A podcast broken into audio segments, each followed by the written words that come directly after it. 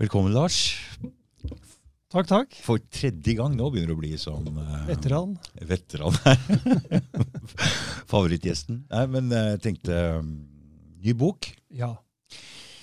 og ny podkast. Ja.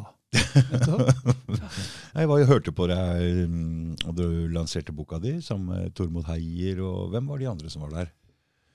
Eh, John E. Jones, Ja. eh, som er eh, journalist. Eh, skrevet mye for Ny, ny Tid eh, opp gjennom åra. Mm. Eh, Arild Rønsen var jo da moderator. Han har jeg jo Han var musikkjournalist i Puls. Hæ? Ja, han, eh, jeg, han er jo Jeg ble kjent med han gjennom Jeg spilte sammen med han på slutten av ja, 9, ja, det er 79-80. Det var jo ja, godt og vel 40 år siden. Var et av de første bandene mine. Så det var sånn jeg, sånn jeg ble kjent med han, da. Et av de første bandene mine, Lars. Ja, ja. ja, Du har hatt flere band. Ja, ja, ja, ja jøss. Har, eh, Det er det jeg har holdt på med egentlig eh, mest, da. Inntil eh, på en måte, kan du si inntil på en måte snakker vi om her nå? Altså Jeg har vært en sånn, eller er en sånn slags allrounder, kan du si. Som, eh, ikke, ja, som, som jeg liker veldig mye forskjellig og, av musikk. Og, og ja, alltid vært nysgjerrig på å oppleve, oppdage ny musikk. da. Det ikke så, ikke så mye nå lenger som tidligere, men uh, fordi at eh, nå har jo ja, skribentvirksomheten uh, har jo tatt over en del. Og har skaffa meg noen uvenner blant uh, musikkolleger Er også, det så, så, det er, ikke- så det er ikke bare bare. Oh, ja, ja, ja, ja. Du, øhm, øh, skriver du låter sjøl? Nei, jeg vil ikke påstå det. det er, eh, jeg, vil si, jeg har jo skrevet eh, noen låter, da, men det er, jeg, har- jeg har i grunnen gitt opp det. da, for det, var, det var ikke noe jeg ble noe særlig stolt av, for å si det sånn. Nei, men som skribent skriver du tekster? Ja, ja. Det skrev du. Det, ja, ja. Ja. Ja. Ja, men som sagt, det var På ikke norsk? noe På norsk? Ja, ja, ja. Ja, men Var det politisk da, eller? Nei, det var ikke det. Det var ikke, det var ikke. det. Nei. Nei. Men kan vi si at det her er politisk, eller er det Fordi jeg sjøl har jo aldri fulgt med på politikk. Men akkurat det her er jeg jo interessert i. Det er jo noe annet. Vi kan liksom ikke kalle det politikk lenger nå. Dette her er større enn det. Altså krig er Det sies jo at krig er liksom en, en, en politikk med andre midler. da. Mm. Og eh, Bare for å forklare hvorfor jeg kaller denne boka for 'Krig som bestilt', med spørsmålstegn, så, og, så ser jeg jo jeg, jeg mener jo at det er eh, flere enn Putin som har skylda for den krigen her, da, for, for å si det enkelt. Og jeg prøver å forklare det som etter beste evne i boka. Og krig som bestilt. altså Når man ser tilbake på hva som har skjedd etter den kalde krigen, da, så i, i 1990 så lovte jo Russland, eh, unnskyld, da lovte jo Nato at de ikke skulle ekspandere østover. Og de lovte det. De sa altså Han som var generalsekretær da for Nato, eh, Manfred Wörner, han sa det at eh, det at vi lover å ikke ekspandere østover, det vil gi Sovjetunionen tilstrekkelige sikkerhetsgarantier. Med andre ord så erkjente Nato da at, at eh, Sovjetunionen eh, hadde eh, dette behovet for sikkerhet, og at Nato kunne gi dem det ved å la være å ekspandere østover i 1990. Så, så røyker jo Sovjetunionen sammen, da. Men Russland hadde jo vel så st- stort behov for denne sikkerheten som Nato lovte dem i 1990. Ja, for Nato har jo vært en allianse mot eh, Warszawapakten og Russland, på en måte. Ja, Nato ble jo, ble oppretta først, da. Så i alle fall så, Men det gikk jo ikke mer enn to-tre år før Nato ombestemte seg og, og begynte å ekspandere Eller legge planer for ekspa- ekspansjon. Da, da Jeltsin oppdaga det her i 1993, så ble han jo rasende på, på, på Nato og Bill Clinton, som var president da. Og han sa det at eh, hvis jeg aksepterer dette her, så kommer det russiske folk til å se på meg som forræder. Men eh, til syvende og sist så var han veldig avhengig av Bill Clintons støtte, kan du si. da. Sånn, kom eh, det ja. Nei, altså Hva skal jeg si? Altså, han, det var jo sånn at USA grep inn for å sikre at Jeltsin ble gjenvalgt i 1996. Så de hadde allerede god, eh, god stand, eller god power inne i Russland? Det. Ja, det, det, var, det, det, var, det, massevis av vestlige rådgivere som, som, som, som råda Jeltsin eh, til å føre denne politikken, da, som til sjuende og sist egentlig var nær ved å ødelegge Russland. Det var jo Bruttonasjonalproduktet ble jo halvert i løpet av 90-tallet. Og, og, og, da Jeltsin eh, gikk av på nyttårsaften, nyttårsaften 1999, så, så, innså han jo at han hadde feila helt katastrofalt. Da han jo, var han veldig ydmyk og ba nærmest på sine knær til det russiske folk om unnskyldning for det han hadde gjort. Mm. Så utnevnte han Putin da, til men du bare steppe, steppe et lite steg tilbake igjen her. For når Sovjetunionen raser i stykker her, så er det det som kommer fram som disse oligarkene som stikker av med veldig mye av makta. Og hva er egentlig det greiene der? Nei, det er jo helt klart at en del av de eh, kan du si, som var insidere da, i, i Sovjetunionen, benytta seg veldig av dette her til å kapre de, eh, ja, mye av Russlands energi... Altså råvarer, natur, naturressurser, pluss plus industri osv. Ja, ja, ja. Det var ikke sånn det var ment? De, de skulle jo fordeles litt? Ja, altså man, dette var jo på et tidspunkt hvor liksom denne ideen om frihandel og, og sånt sto veldig sterkt. Så, så, så, så, man trodde vel på det i, i, i, Russland også, mange. Men det viste seg å slå helt katastrofalt ut. Da. Og det fortsatte jo samme politikken selv, selv, selv, etter at det på en måte var åpenlyst at dette gikk, gikk gærent. Og, så dette Gorbatsjov åpna opp, og ja. Sovjetunionen datt? Ja. Og så skulle dette fordeles litt blant folk, og så var det noen som satt og kjøpte opp alt samme ressurser. Og det er disse oligarkene vi og det, er, det blir jo oligark blir litt sånn oligark-mafia-lignende mm. fyr. Eh, og så disse um, folka her under Jeltsin bare befesta posisjonen sin, i dag? Ja, befesta han, Det spørs om han var vel egentlig, som jeg sa, så, så, så var vel han han, han hadde, var helt nede på 2-3% på meningsmålinger før det valget i 96. Hvor lenge holdt han på? Nei, han, nei altså han, han, ble jo valgt president i Russland i 1990. Og så, og så gikk han jo av frivillig før, før, sin tid, egentlig. da, med, med nyttårsaften 1999. Og da hadde Putin, oh ja, ni, år, Putin, ni år han holdt på? Ja, altså, det ble vel nesten ti år, da. Ja. Men i alle fall, så da utnevnte han Putin først til statsminister, og så ble jo da han valgt til president første gang i var det i mars 19, nei, 2000, var det vel.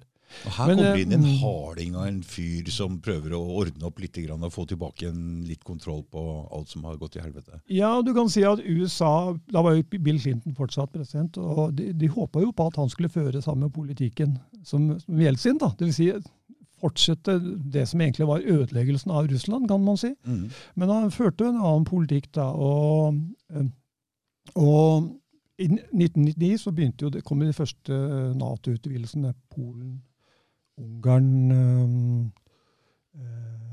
Tsjekkia, var det ikke det? Og så kom det da flere utvidelser i 2000. Nei, det var, det var hun Jeltsin. Det var hun Jeltsin, ja, ja, Så det er det siste som skjer før Jeltsin går av? det der. Ja, det kan du si. Og så skjedde jo den bombinga av Jugoslavia også samme år. Det var jo også noe som satte en støkk i russerne. Ja, for det her er Serbia involvert. Serbia mm. er jo øh, kan du si russervennlige? Russerbeslekta, ja. eller fetterne til russerne, eller hva du kan si? det der? Ja, det er noen, det noen bånd der. Uh, uten at jeg skal si så altfor mye om hvorfor det er sånn og sånn, og sånn, så, så, så er de eh, blir sett på som eh, ja, Russland-vennlige eller Russland-allierte. Mm. Og så når russerne opplevde det der, at Jugoslavia i løpet av 90-tallet ble delt faktisk i seks, ikke sant, så frykta de jo faktisk at Og dette var jo Nato høyst delaktig i. Så da frykta de jo at, at dette her kom til å skje med Russland også, altså allerede da. Og det, det, som skjedde i ettertid Flere og flere land kom inn i Nato. USA gikk til krig mot Afghanistan, Irak, Libya, Syria. Ikke sant? Mm. Og så, så, så, så NATO, er der, noe, NATO, er ikke noe forsvarsallianse i den forstand. Det, det er en farlig motstander. De har grunn til å frykte ja, altså, hadde Nato øh, kun vært en forsvarsallianse, så hadde det ikke vært noe problem. Men de har jo i praksis allerede fra begynnelsen av nesten vært et sånn instrument for USA. altså De første tiårene så ble jo storparten av Natos uh, budsjetter brukt til å prøve å beholde koloniene som da Storbritannia, Frankrike, Portugal og Spania hadde. ikke sant? Okay. Så det Storparten av Natos ressurser de første tiårene ble faktisk på det, brukt på det. Men, Når ble Nato oppretta? 49. 49, ja. ja. Mm. Så det bombinga av Korea, det var Nato, eller? Nei, altså det var jo det var, det var USA som tok initiativet til det, og fikk, og fikk eh, overtalt FN til å, til å, innføre sånn mandat eh, til å drive da Nord-Korea tilbake til den 38. brettegrad, som det heter. Men det, det, mandatet ble jo veldig overskredet. og det var... Eh, som sagt USA som tok initiativ til det, og, og de fikk med seg eh, alle Nato-landene, bortsett fra Island, som ikke hadde De har ikke noe her. Nei. Eh, Norge var også med på det, med militæret, men det, var, det, skjedde, det, skjedde, NATO, det skjedde fordekt. Da må vi si at det er en Nato-allianse som gjør det, selv om Ja, ja jeg, vil jo, jeg, vil jo, si det. For at hvis ikke, kan du si, hvis ikke eh, Norge og disse andre landene hadde vært med i Nato da, altså, så ville jo ikke de hatt Da ville ikke USA på en måte kunne hatt så like lett ha pressa Norge til å bli med. da. Mm, men du, hva er et FN-mandat? Nei, Det er jo, det dreier seg om at uh, Sikkerhetsrådet, eventuelt generalforsamlingen, gir, uh, gir mandat til å foreta en militær intervensjon, f.eks. Men, men, men nå er jo Russland i FN, og de kan legge ned veto og sånne ting. Ja. Var det ikke sånn den gangen? Jo, det, men det som skjedde da, var at uh, Russland i protest mot at Kina For Kina eh, var på det tidspunktet er representert ved lille Taiwan. ok, ja. altså Tenk deg noe så, så, så, så, eh, sprøtt, for å si det sånn. Altså, Kina, med liksom det enorme landet, i dag med 1,4 milliarder mennesker, var representert ved lille eh, Taiwan, som I er liksom, FN. i FN. Ja. Og dette, dette, gikk ikke eh, I protest mot det, da, så stilte ikke Så, så boikotta da eh, Sovjet den avstemningen, og dermed så hvis de hadde lagt ned veto isteden, så hadde ikke USA fått dem FN-mandatet til, til Koreakrigen. Så det er jo det er mange tilfeldigheter. og kan du si at det, Av alle de krigene som USA har begått, da, eh, med, med, hjelp av eh, varierende grad av hjelp av Nato-land, så er det jo bare den krigen, også krigen mot Irak i 1991, pluss bombinga av Libya i 2011, det er bare de krigene som har hatt FN-mandat, men alle har jo skjedd etter påtrykk fra USA. Ja. Og, og alle, har, alle, mandatene ble kraftig overskredet. Og, og Norge er med? Ja. Ja da, altså, Ivrig lille Norge er med, logrer med alt. Ja, altså til, en, til, til og med Irak-krigen i 2003. for det, det er jo 20-årsjubileum for, for, den nå, så den har jo vært en del omtalt i det siste. Da var jo, Offisielt så var ikke Norge med på den krigen, men i, sånn, i, sånn litt fordekt så hjalp da regjeringen Bondevik til allikevel. da, eh, Med forskjellige eh, Jeg er ikke sikker på detaljene der, men de hjalp til med, med forskjellige ting. da, og, og, da, og det gikk bare et par, ja, tre-fire måneder, vel, så også, deltok da også Norge i okkupasjonen av Irak. da, Fra, fra sommeren 2003. Hvis vi ser på noen av de områdene før og etter at Nato går i en sånn, eller USA går i en, er det noe som har blitt bedre et, i etterkant, eller er alt bare blitt kaos, og, sånn som vi ser i Libya og Irak og sånne ting? Ja, eller Nord-Korea. Ja. Jeg mener eh, da, hvis, hvis ikke USA hadde grepet i den krigen der, så ville den vært over på et par måneder, antageligvis. Fordi Nord-Korea hadde tatt dem, ikke sant? Ja, ja. Så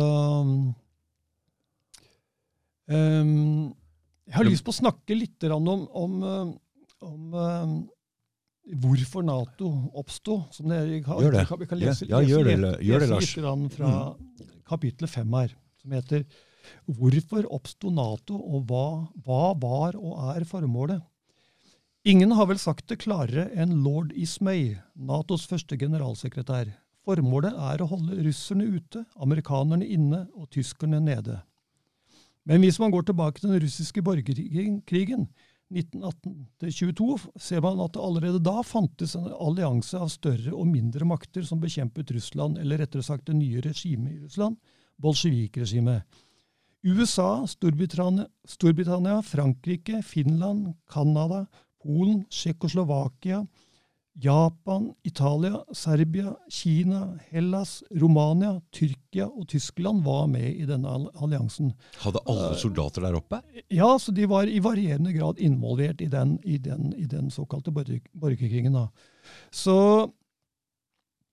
og nesten alle disse landene er med i Nato nå. Bortsett fra Japan, da, som, som, som riktignok er en USA-alliert. Du Lars, Når du sier de var med i borgerkrigen, hvilken side var de på? Nei, altså De prøvde jo å styrte bolsjevikregimet, som hadde jo nettopp grepet makta i den russiske revolusjonen okay. kort tid forhånd. Eh, så det oppsto en motreaksjon til den, til den, revolusjonen, kan du si, som da gikk da disse vestmaktene inn på, på den sida. Jeg leser litt fra, fra William Bloom, som beskriver dette her. Sommeren 1918 befant det seg 13 000 amerikanske soldater i den nyfødte union av sovjetiske sosialistrepublikker. Etter to år og mange tusen drepte forlot de landet etter å ha mislyktes i sitt forsøk på å kvele eh, ved fødselen den bolsjevikiske staten. Så sitter jeg litt fra Winston Churchill, som sa da litt ironisk Var de allierte landene i krig mot Sovjetunionen? Absolutt ikke, men de skjøt sovjetrussere så snart de så en. De invaderte russisk territorium. De ga våpen til Sovjets fiender. De blokkerte havnene deres og senket deres kampskip. Professor D.F. Flemming, som var historiker ved Vanderbilt-universitetet under den kalde krigen, eh, bemerket for det amerikanske folket eksisterer ikke den kosmiske tragedien som intervensjonene i Russland var for Russland og russerne.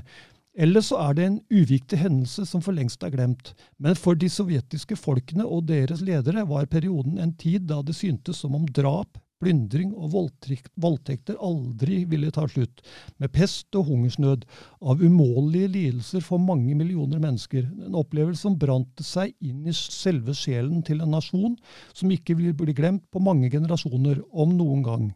Frykt for at de kapitalistiske maktene ville komme tilbake for å fullføre jobben, lå også til grunn for, og kan langt på vei ha rettferdiggjort, det harde sovjetiske regimet i mange år. Derfor er det ikke rart at Khrusjtsjov i sin tale i New York 17.9.1959 minnet oss om intervensjonene, den gangen dere sendte troppene for å stanse revolusjonen. Så dette er jo, dette er jo ting som, er, som, som, få nordmenn kjenner til, egentlig. De, altså de, de kjenner til Vi blir jo, blir jo undervist om at det var en borgerkrig i Russland da, men jeg kan i hvert fall ikke huske at det ble sagt et ord om at alle disse landene var, var engasjert i det. da. Nei.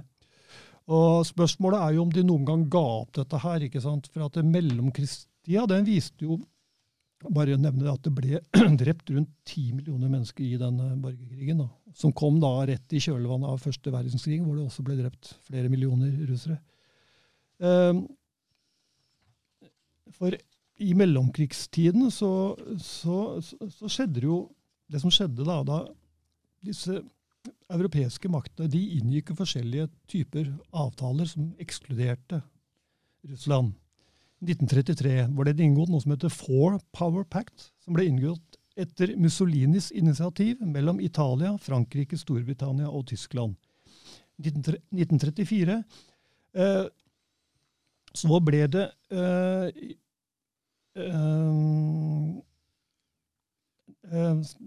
Denne avtalen skal ha bidratt til ikke-angrepsavtalen mellom Tyskland og Polen 26.1.1934.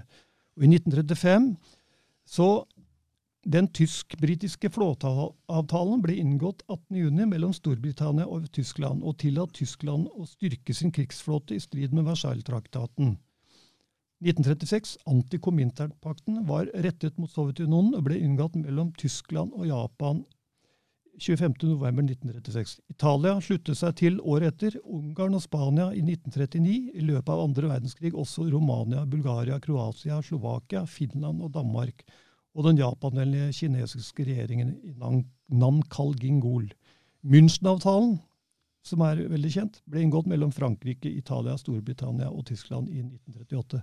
Altså opplevde da russerne at disse landene, alle disse landene inngikk avtaler som ekskluderte dem, og, og, og, og som da var knytta til Fred og krig? Hitler og, Mussolini. Men det var knytta til krig og fred og ikke-angrepsavtaler og fredsavtaler og sånne ting. Det var ikke handel vi prater om her?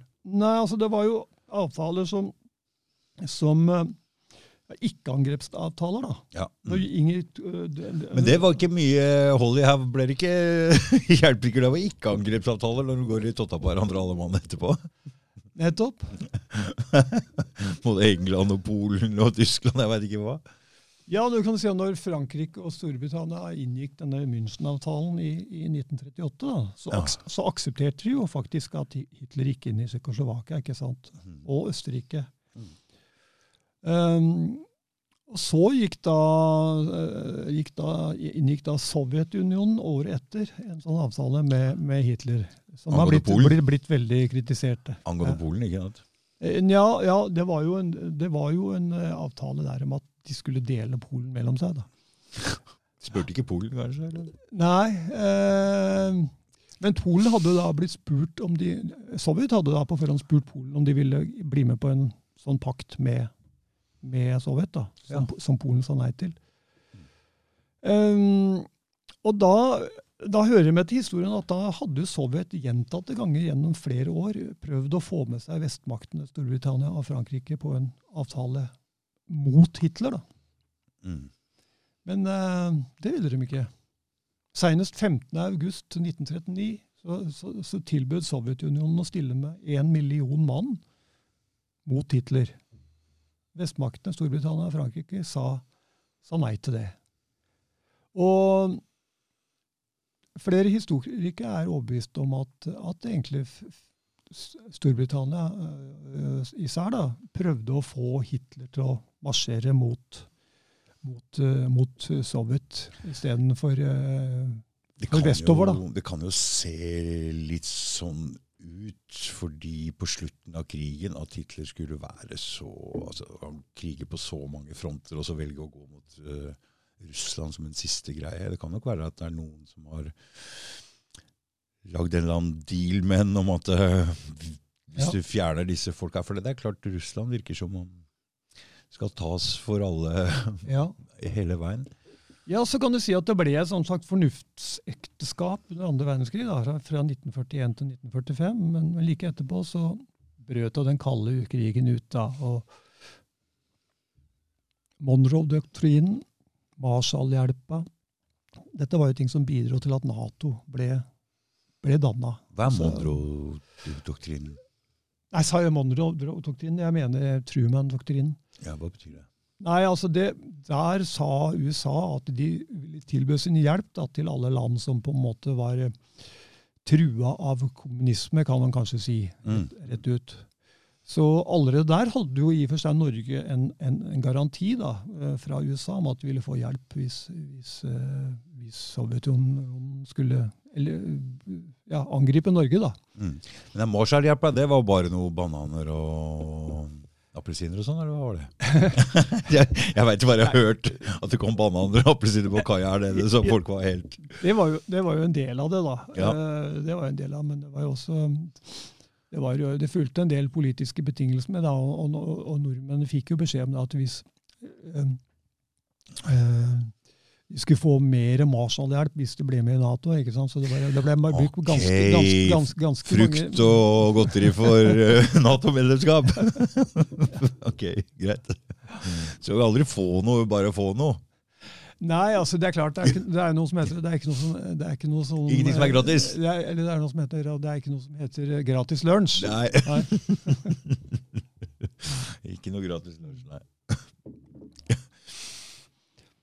Så Men, men, men eh, eh, det at Norge skulle bli medlem i Nato og sånne ting eh, Vi har jo allerede alltid hatt en sånn derre Vi må være venner med russerne-tanke i Norge, har vi ikke? Opp igjennom.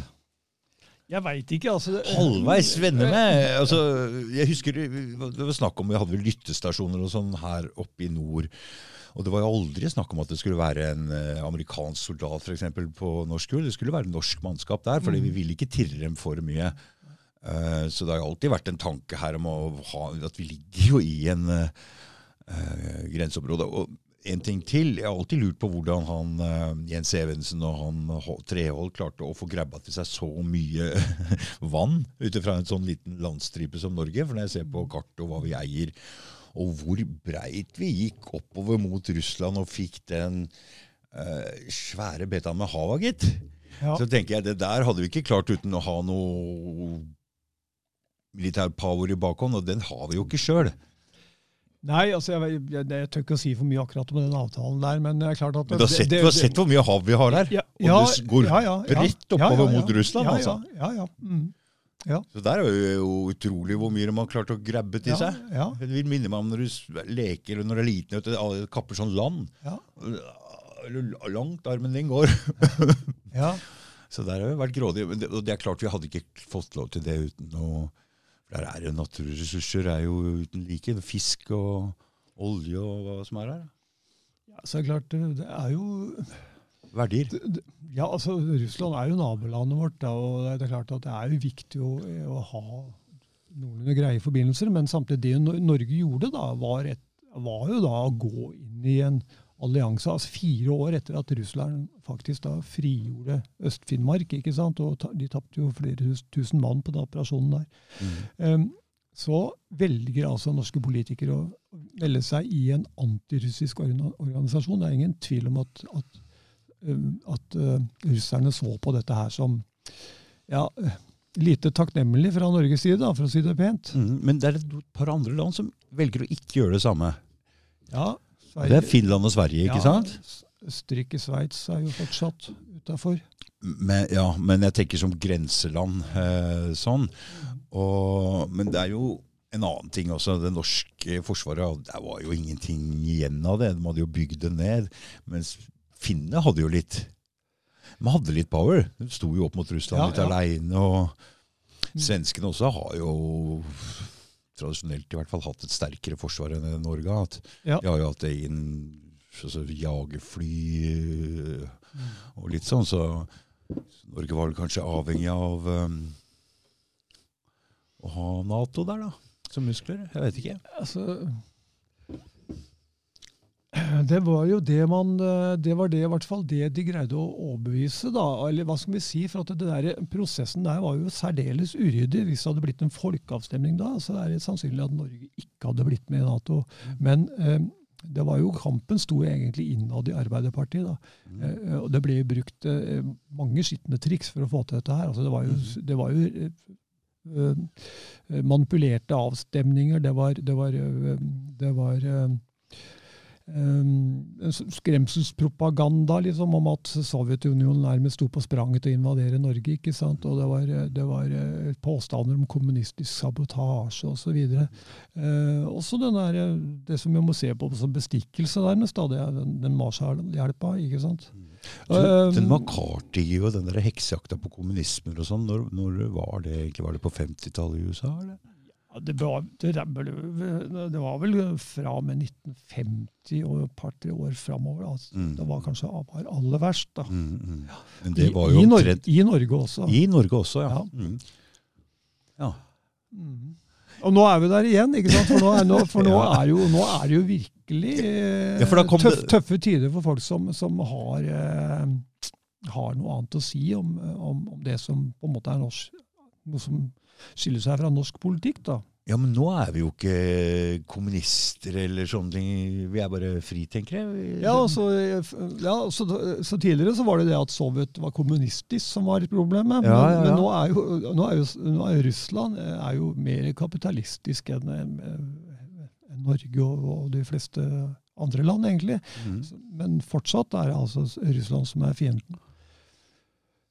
Tror du, de, uh, tror du, er på Tror du de har uh, Når vi prata om det i bilen, det slagordet 'Få se mappa mi'. Uh, tror du vi har mapper, Lars? Eller du har ei mappe, eller hva er det?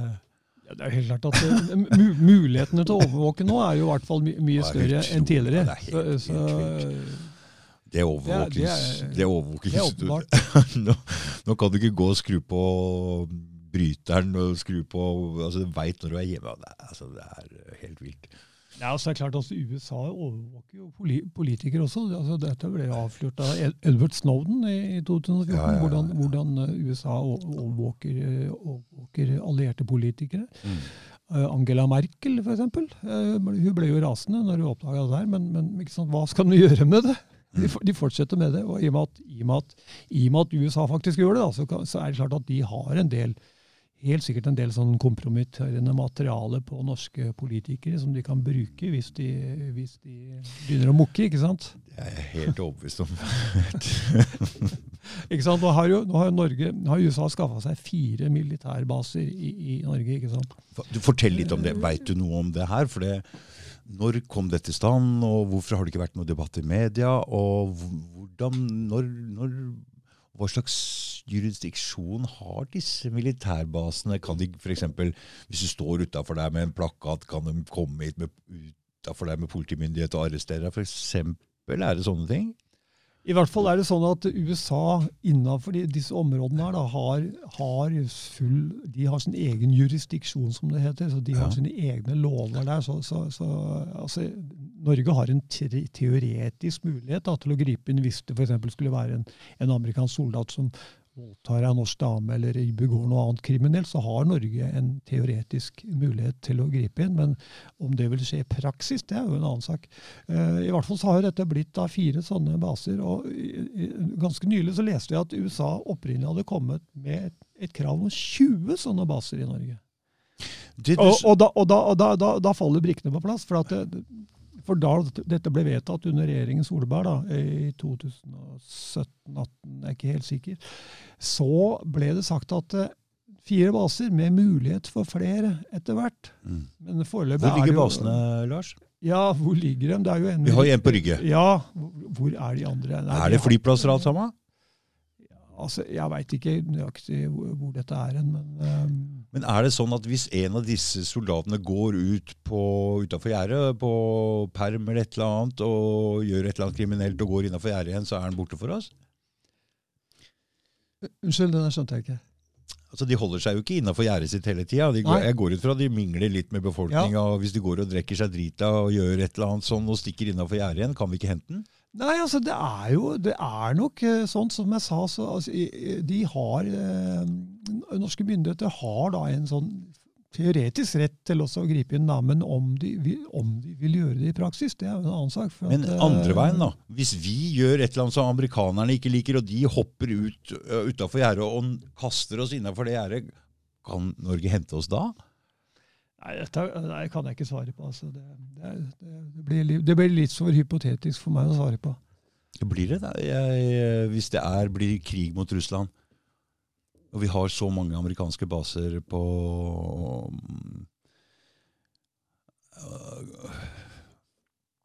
Det der Ja. Jeg vet ikke hvor hypotetisk det blir, det, da. Hvis du og jeg Nei. sitter her og prater Russlands sak, og vi er i krig med Russland, da blir vi på en måte blir vi arrestert, eller? Nei, altså som sagt, Nå, nå syns jeg vi begynner å bevege oss litt ut i det veldig hypotetiske her. Um, jeg hadde lyst på å prate litt mer om uh, propagandaen, jeg. Ja, ok. okay.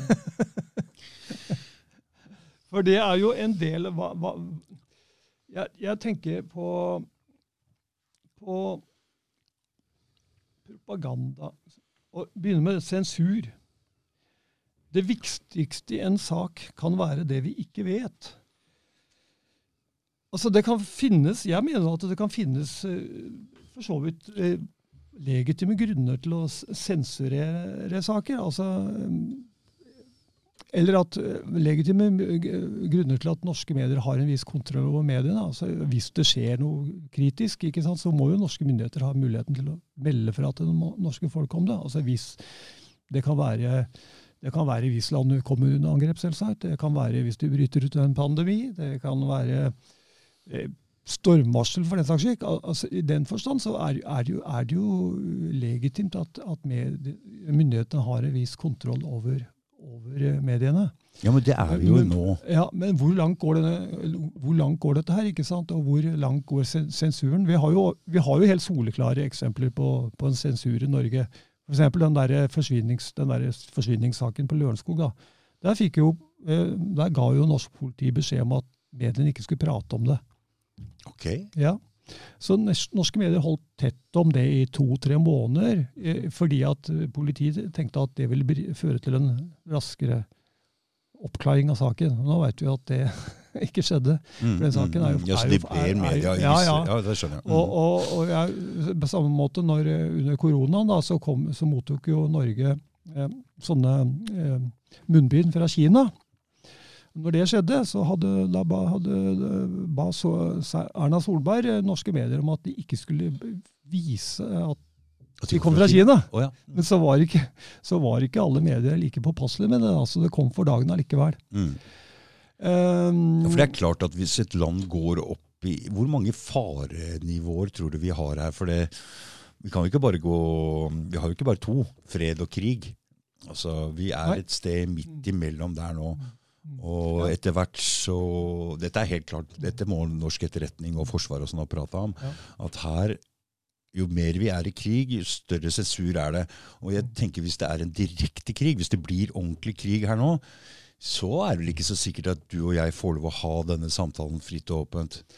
Nei, altså det, det er klart at det, det vil stramme seg til jo mer, mer Norge blir involvert i krigen. Mhm. Eh, Jo, det er naturlig. Ja, så, et annet tilfelle som jeg har lyst på å nevne, da, som gjelder faktisk sensur, er Frode Berg-saken. Mm. I- Kirkenes, da, i miljøet der, så visste jo folk, og det var også flere journalister som visste navnet på de, de som hadde da verva Frode Berg til dette oppdraget. Ja, fortell Men- litt om men- men- men da- alle vet, som vet hva det der er. For det er en fyr som ble arrestert i Russland. ikke sant? Som Ja, Frode. Berg, ja. ja.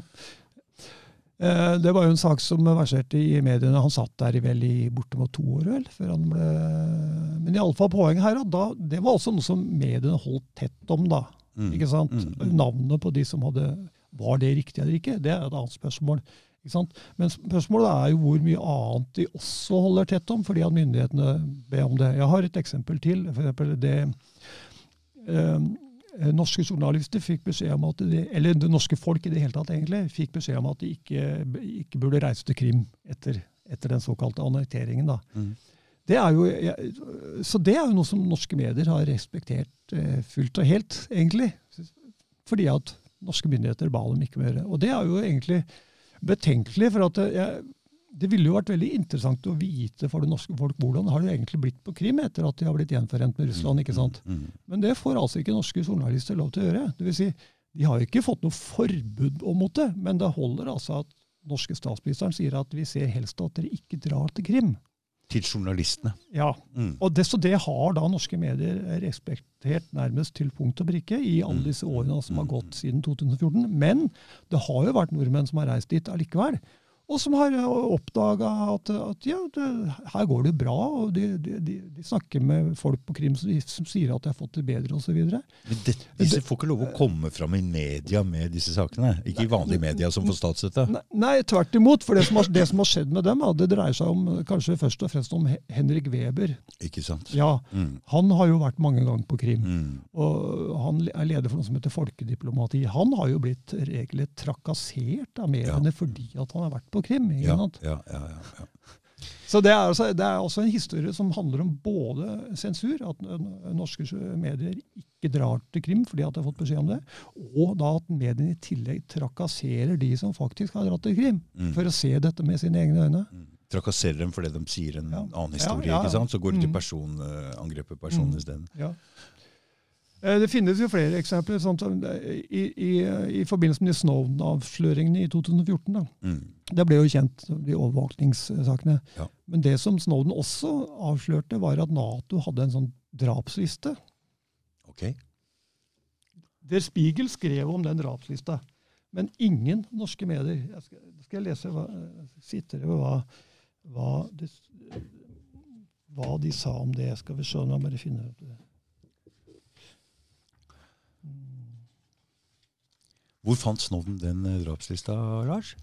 Nei, altså, jeg, jeg vet ikke akkurat hvor han fant det, men han var i hvert fall den som avslørte det. Mm. Og den mm,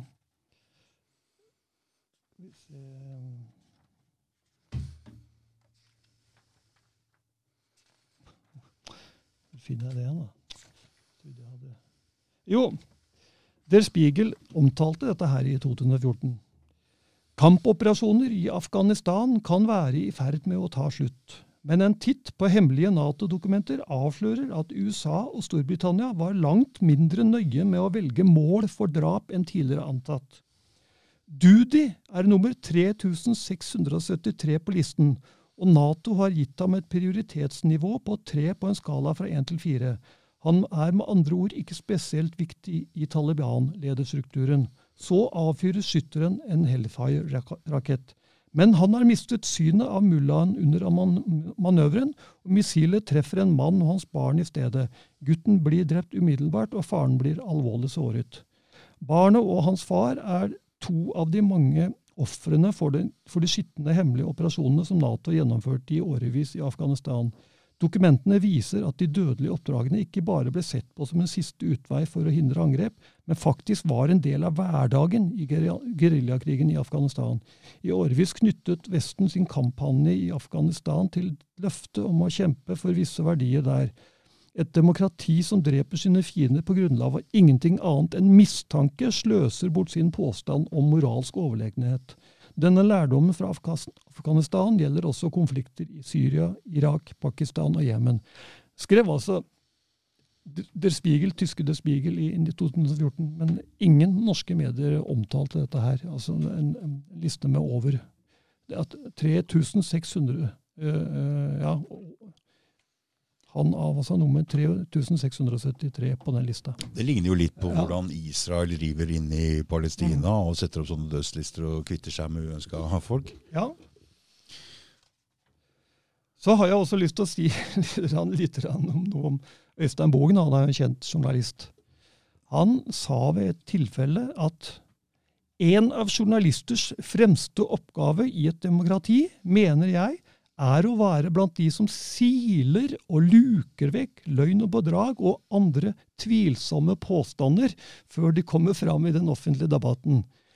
Og i en tidsalder der russisk propaganda er blitt den nye normen, dessverre, så mener jeg at, et, at fri og uavhengig journalistikk i Norge og i de andre landstater til Russland er blitt spørsmål om rikets sikkerhet. Altså Han mener at uh, en journalists oppgave er å sile ut de tinga som, som kan være tvilsomme. Da tenker jeg, Hva skal, hva skal debatt dreie seg om, hvis det ikke er for, er for å finne ut, uh, komme fram til, til sannheter, da? Mm. Altså, vi, vi, kan Det er jo mye som er høyst usikker, men, men skal, vi kunne, skal, vi ikke kunne, prate om det som er, er altså, usikkert? Du, du, og jeg, Lars, vi veit jo ikke hva de sitter og de som sitter og styrer og ordner med krig og sånn, hva de egentlig driver og tenker. Vi må jo få lov å spekulere og debattere og, og, mm. legge, og legge fram kan, det ser ut som Det er jo det viktigste av alt. Hvis ikke forstår vi jo ingenting av det her. Men her er det altså en journalist som åpent innrømmer at det er det han driver med. Ja. Ja, Sensurerer ting. Det er, det er, sikkert greit for mange folk å bare ikke ville vite, men jeg er en av de som liker å tenke litt og vite litt og sånne ting. Jeg elsker å lyse på ting og prøve å forstå litt mer av det store og hele bildet. Og da må vi jo i hvert fall bringe på bordet det vi skjønner, da, og så kan vi diskutere litt fram og tilbake og se, og se på det. Er ikke det moroa?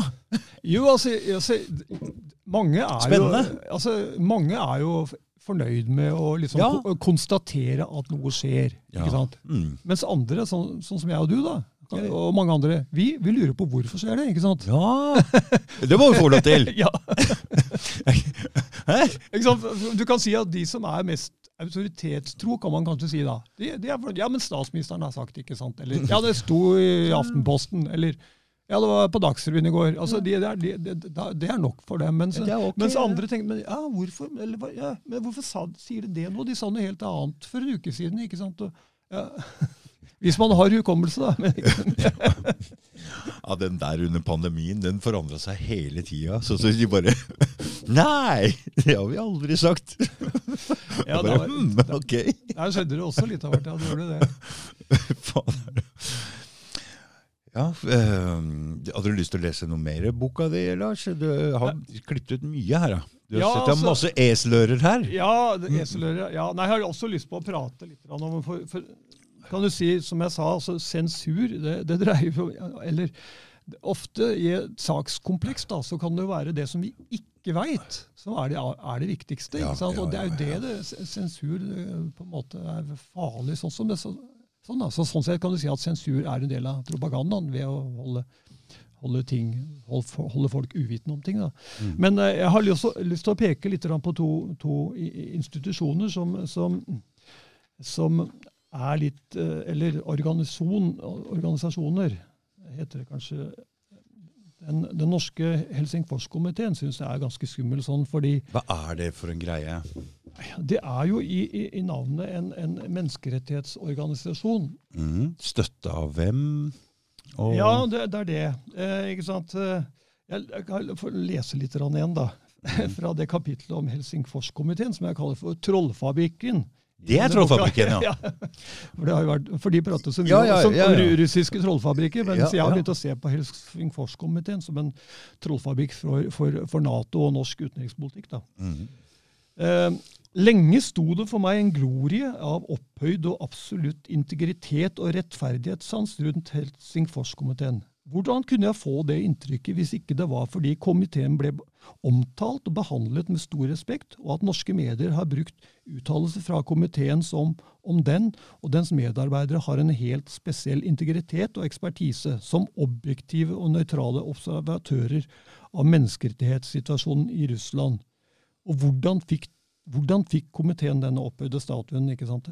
statusen? Altså Det er jo fordi at de har blitt dyrka fram sånn. Men når en ser på hva de, faktisk gjør, da, så, så er, det jo, er det jo Du kan se to av dem, f.eks. Åge Borchgrevink og Ivar Dale. De, de, de driver jo daglig og tvitrer. Som, Hva jobber de med, disse to?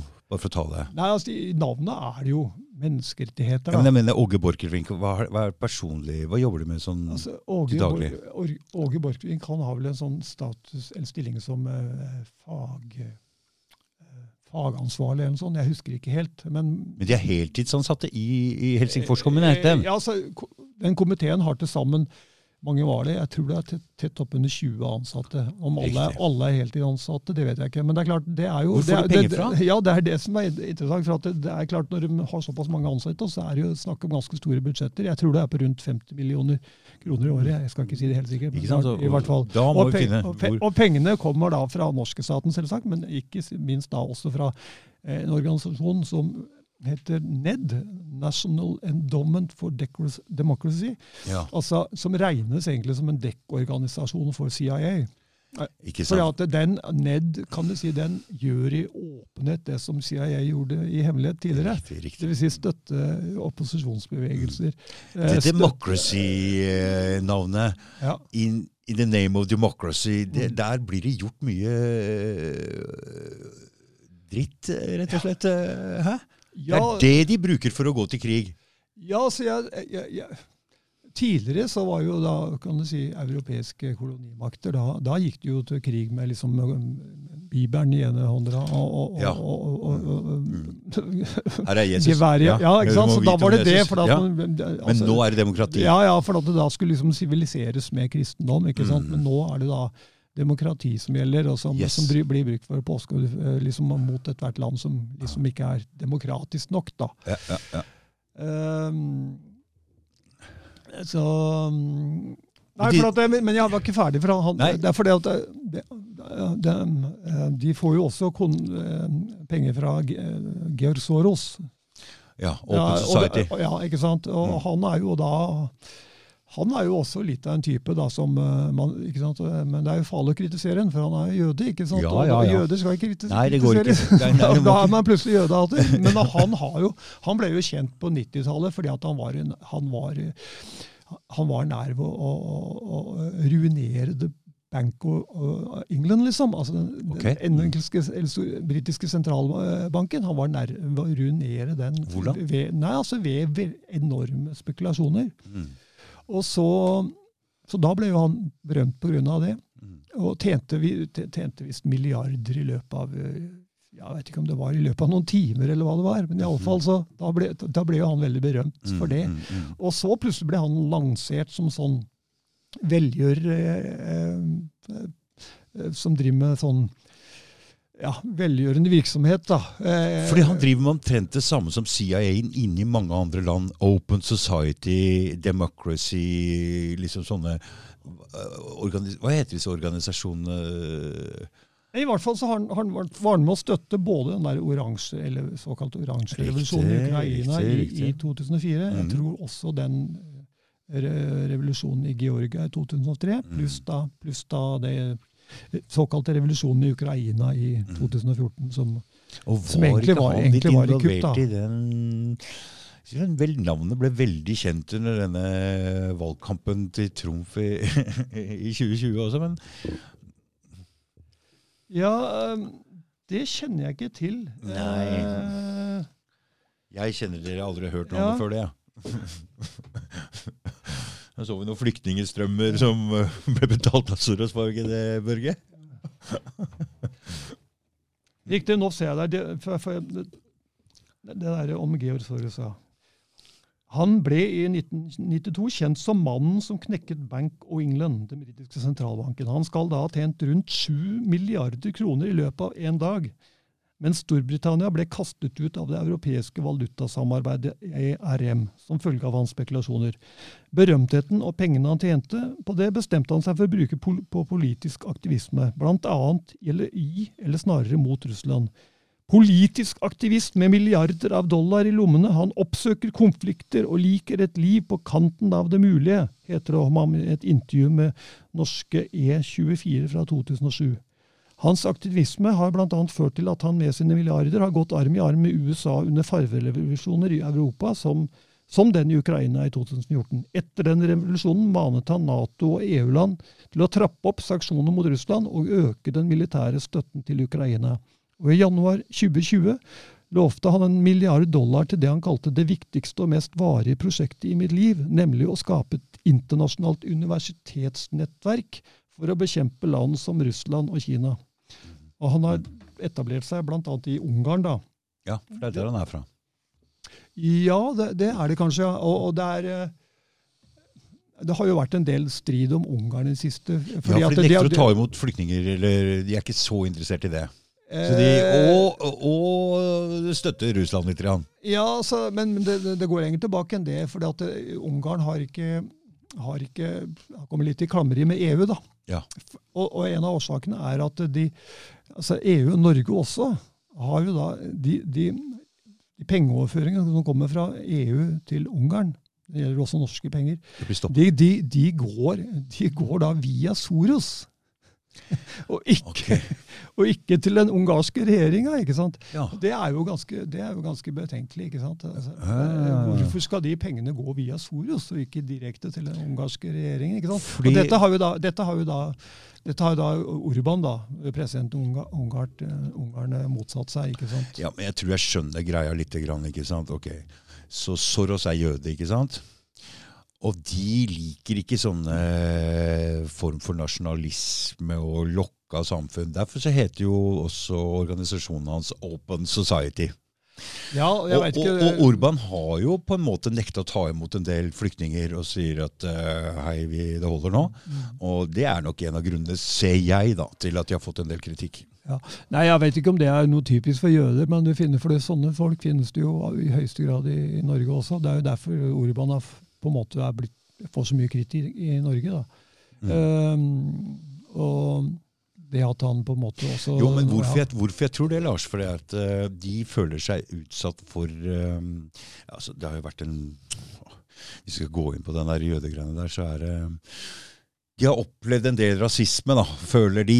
ikke sant? Og Det har vært en konflikt mellom europeere og russere spesielt, og tyskere og jøder. og de vil eh, de, Så de er redd for den nasjonalismen. Så de vil åpne opp og få inn mest mulig blanda jeg så akkurat en dokumentar om hvordan de har påvirka det svenske samfunnet også til å åpne opp for multinasjonale greier.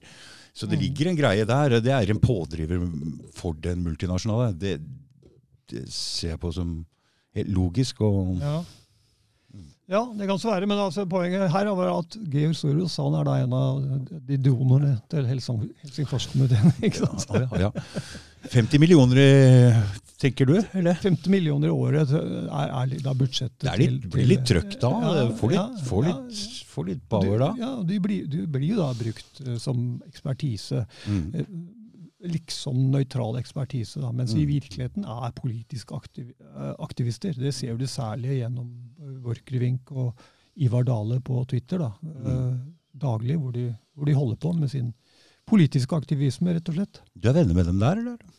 Du, eh, Borchgrevink, han eh, eh, Altså, På Twitter er man ikke venner der, er man, så da følger man hverandre der. oh, ja, ja. Ok, ja, ja, ja. Ja, Ivar Dale han, han blokkerte meg. Ja. Og Det var litt morsomt hvorfor han gjorde det. fordi at eh, Vi hadde jo hatt en del friske diskusjoner, da, for å si det sånn. ja. Og, og jeg syns han ble svar skyldig både titt og ofte. da. Mm. Men eh, så var det så oppda så, så fant jeg på å sjekke, sjekke inntekten hans. vet du. Mm. Mm. Og da er det jo sånn at det, er det blitt sånn at da, det, da får man beskjed om det, hvis noen har sjekka ja, det. ja, stemmer. Ja, ja, ja, Så han ja. oppdaga at jeg hadde sjekka inntakten hans, Ja. da, da, ble, da blokkerte den meg. Ja, det ja. det syntes han var helt forferdelig at jeg hadde gjort det. da. Ja. Men jeg mener jo jeg mener jo at en mann i hans stilling som driver, må jo regne med å bli sett i korta.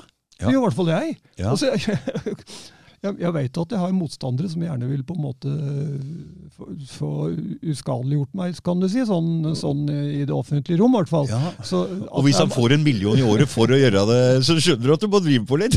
Ja, jeg fant jo jeg fant jo ut at han ikke tjente så uh, veldig mye. da. Jeg trodde, trodde faktisk han tjente mer. Jeg, jeg tror det, var, det, var, det var over 500 000, i hvert fall. Jeg husker ikke nøyaktig. Så, Ja, ja. Men jeg hadde faktisk trodd at han tjente litt mer. Ja, men 500, skjønner, Da skjønner jeg hvorfor han blokker deg, for du er veldig slitsom å diskutere med. Så jeg tror det koster mer enn det. Han må ha andre oppgaver også. Ja, for du er ikke lett å diskutere med, Lars. Nei, Eller, eller ja, Du må jobbe litt. ja, så jeg gir meg, jeg gir meg ikke så lett. Så, så har jeg opparbeida meg eh, En viss ekspert. Ja, altså jeg, har jo, jeg har jo vært i sånne nettdebatter i 20 år. ikke sant? Så man, man får jo en trening. Også, det er jo alt, alt, man, alt man på en måte holder på med, da. Mm, Fordype man- fordyper seg. Det, Ja. Man får jo trening altså, eh, i, i, i den debattkunsten også, da. Mm. Eh, jeg har lyst på å si litt om, om fredsprisen også, for det Ja. er jo også en sånn gata. det er jo også egentlig en sånn institusjon som, som brukes til å, til å belønne våre venner da, og straffe våre uvenner. Men har det alltid vært sånn? Ja, altså Allerede i 1905, altså Norge begynte å dele ut fredsprisen, ja, var det noen få år før det. Okay. Og da allerede i 1905 så ble, ga Norge den fredspris, såkalte fredsprisen da, til en amerikansk president, Theodore Roosevelt. ja.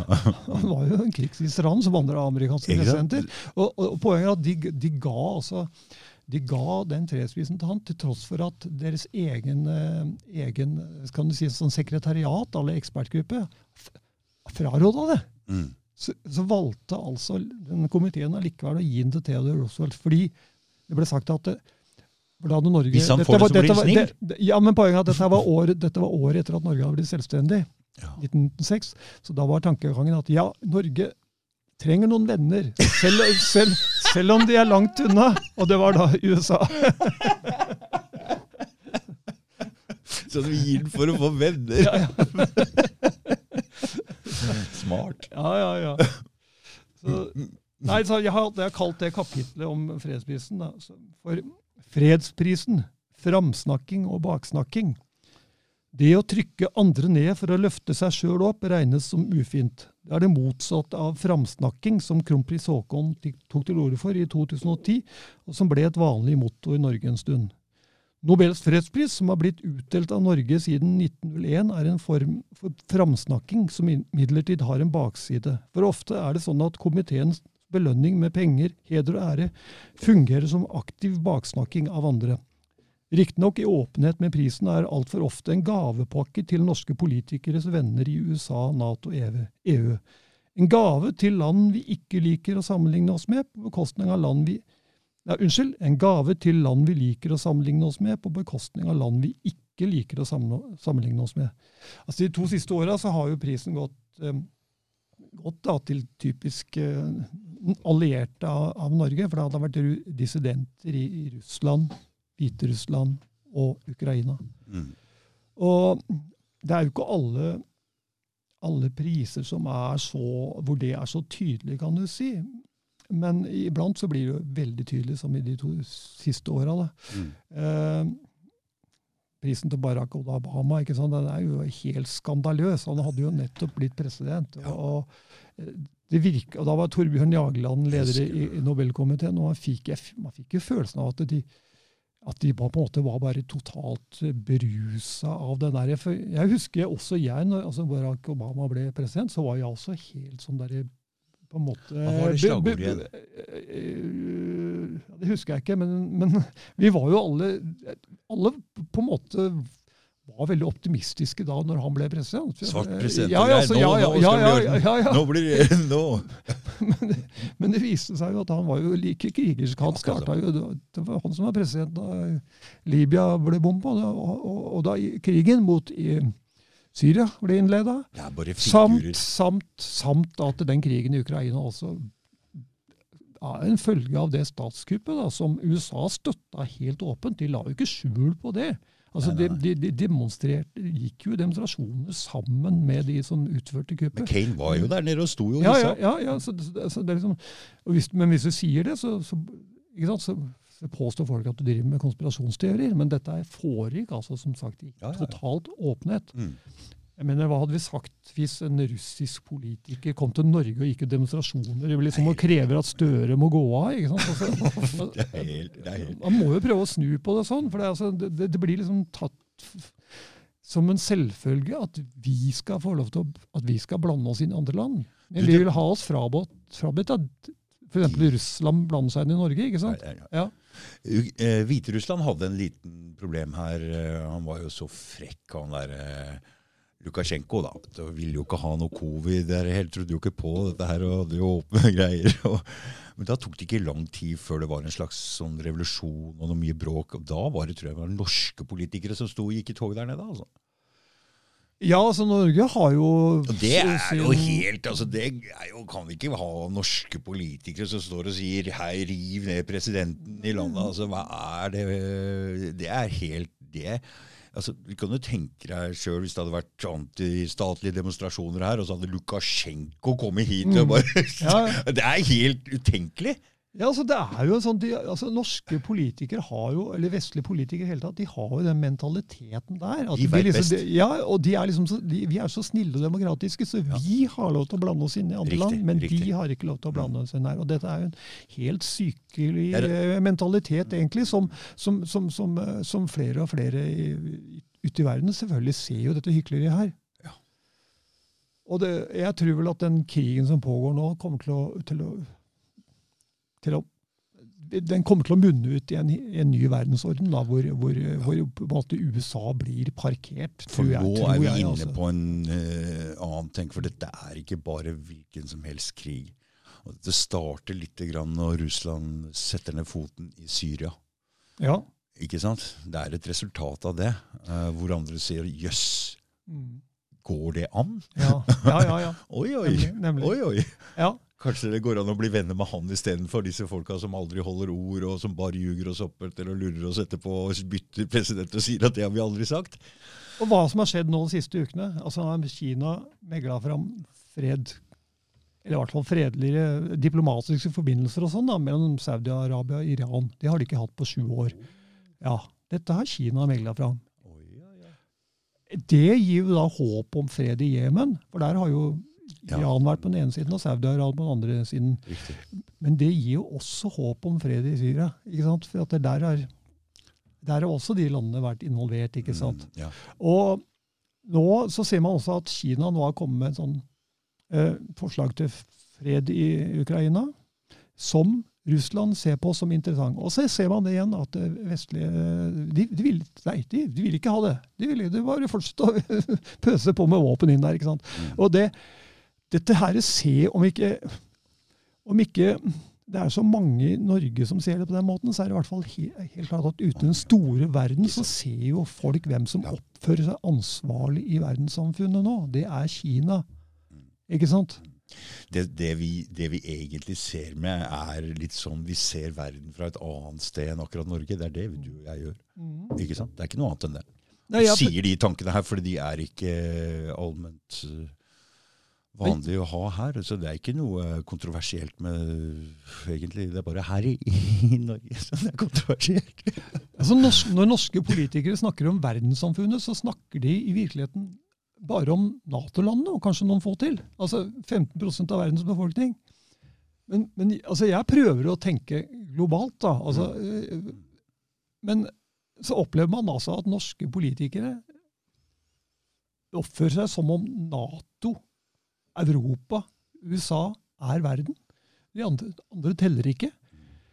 Men dette tror jeg de kommer til å våkne opp ganske snart, til en ganske brutal oppvåkning på, på dette her. For eh, som, som jeg sa, så eh, verden ser jo dette her, hvem som, hvem som faktisk tar ansvar nå og, og, og skaper faktisk fred. Da. Så kan det selvfølgelig altså, Kinas indre styresett og sånn, det er jo en annen diskusjon, selvsagt. Men jeg tror også at, uh, at Kina, mye av denne omtalen Kina har fått, den er nok veldig overdrevet og preget av propaganda og, og løgner, den også, da. Det kan vi tenke oss, men Kina er jo et kjempestort land med kjempestore områder med masse befolkninger. og Vi, vi, vi, vi, veit jo ikke hva som foregår egentlig der, vi. Vi får vite om den overvåkingsgreia som de er veldig gode på. Som er veldig skummel. De går hardt i verks når de først øh, gjør noen ting. Den skremte i hvert fall vannet av oss, den covid-reaksjonen som de de bolta folk inn i og jeg bare, Sånn vil vi jo ikke ha det, selvfølgelig. Men øh, Nei, altså, du kan, altså USA de, de driver jo og støtter separatister inn i Russland. For eksempel Ja. Navalny er jo separatist. Han ønsker å kaste ut, kaste ut eh, alle republikker med muslimsk flertall fra den russiske føderasjonen. Okay. Ja, så da skjønner man litt mer av hvorfor USA og Nato-landene støtter Navalny. ikke sant? Okay. De har også støtta tsjetsjenske opprørere, fordi at de ønsker å ta Tsjetsjenia ut av Russland. ikke sant? Men de har også holdt på sånn i Kina. Disse uigurene som vi har hørt så mye om, ikke sant? Ja. de ønsker jo å løsrive seg. Og Dalai Lama ikke sant, har vært representant for de som for å rive Tibet løs fra Kina. Um, så disse uigurene har jo drevet med i, i flere tiår med massevis av terror inn i Kina.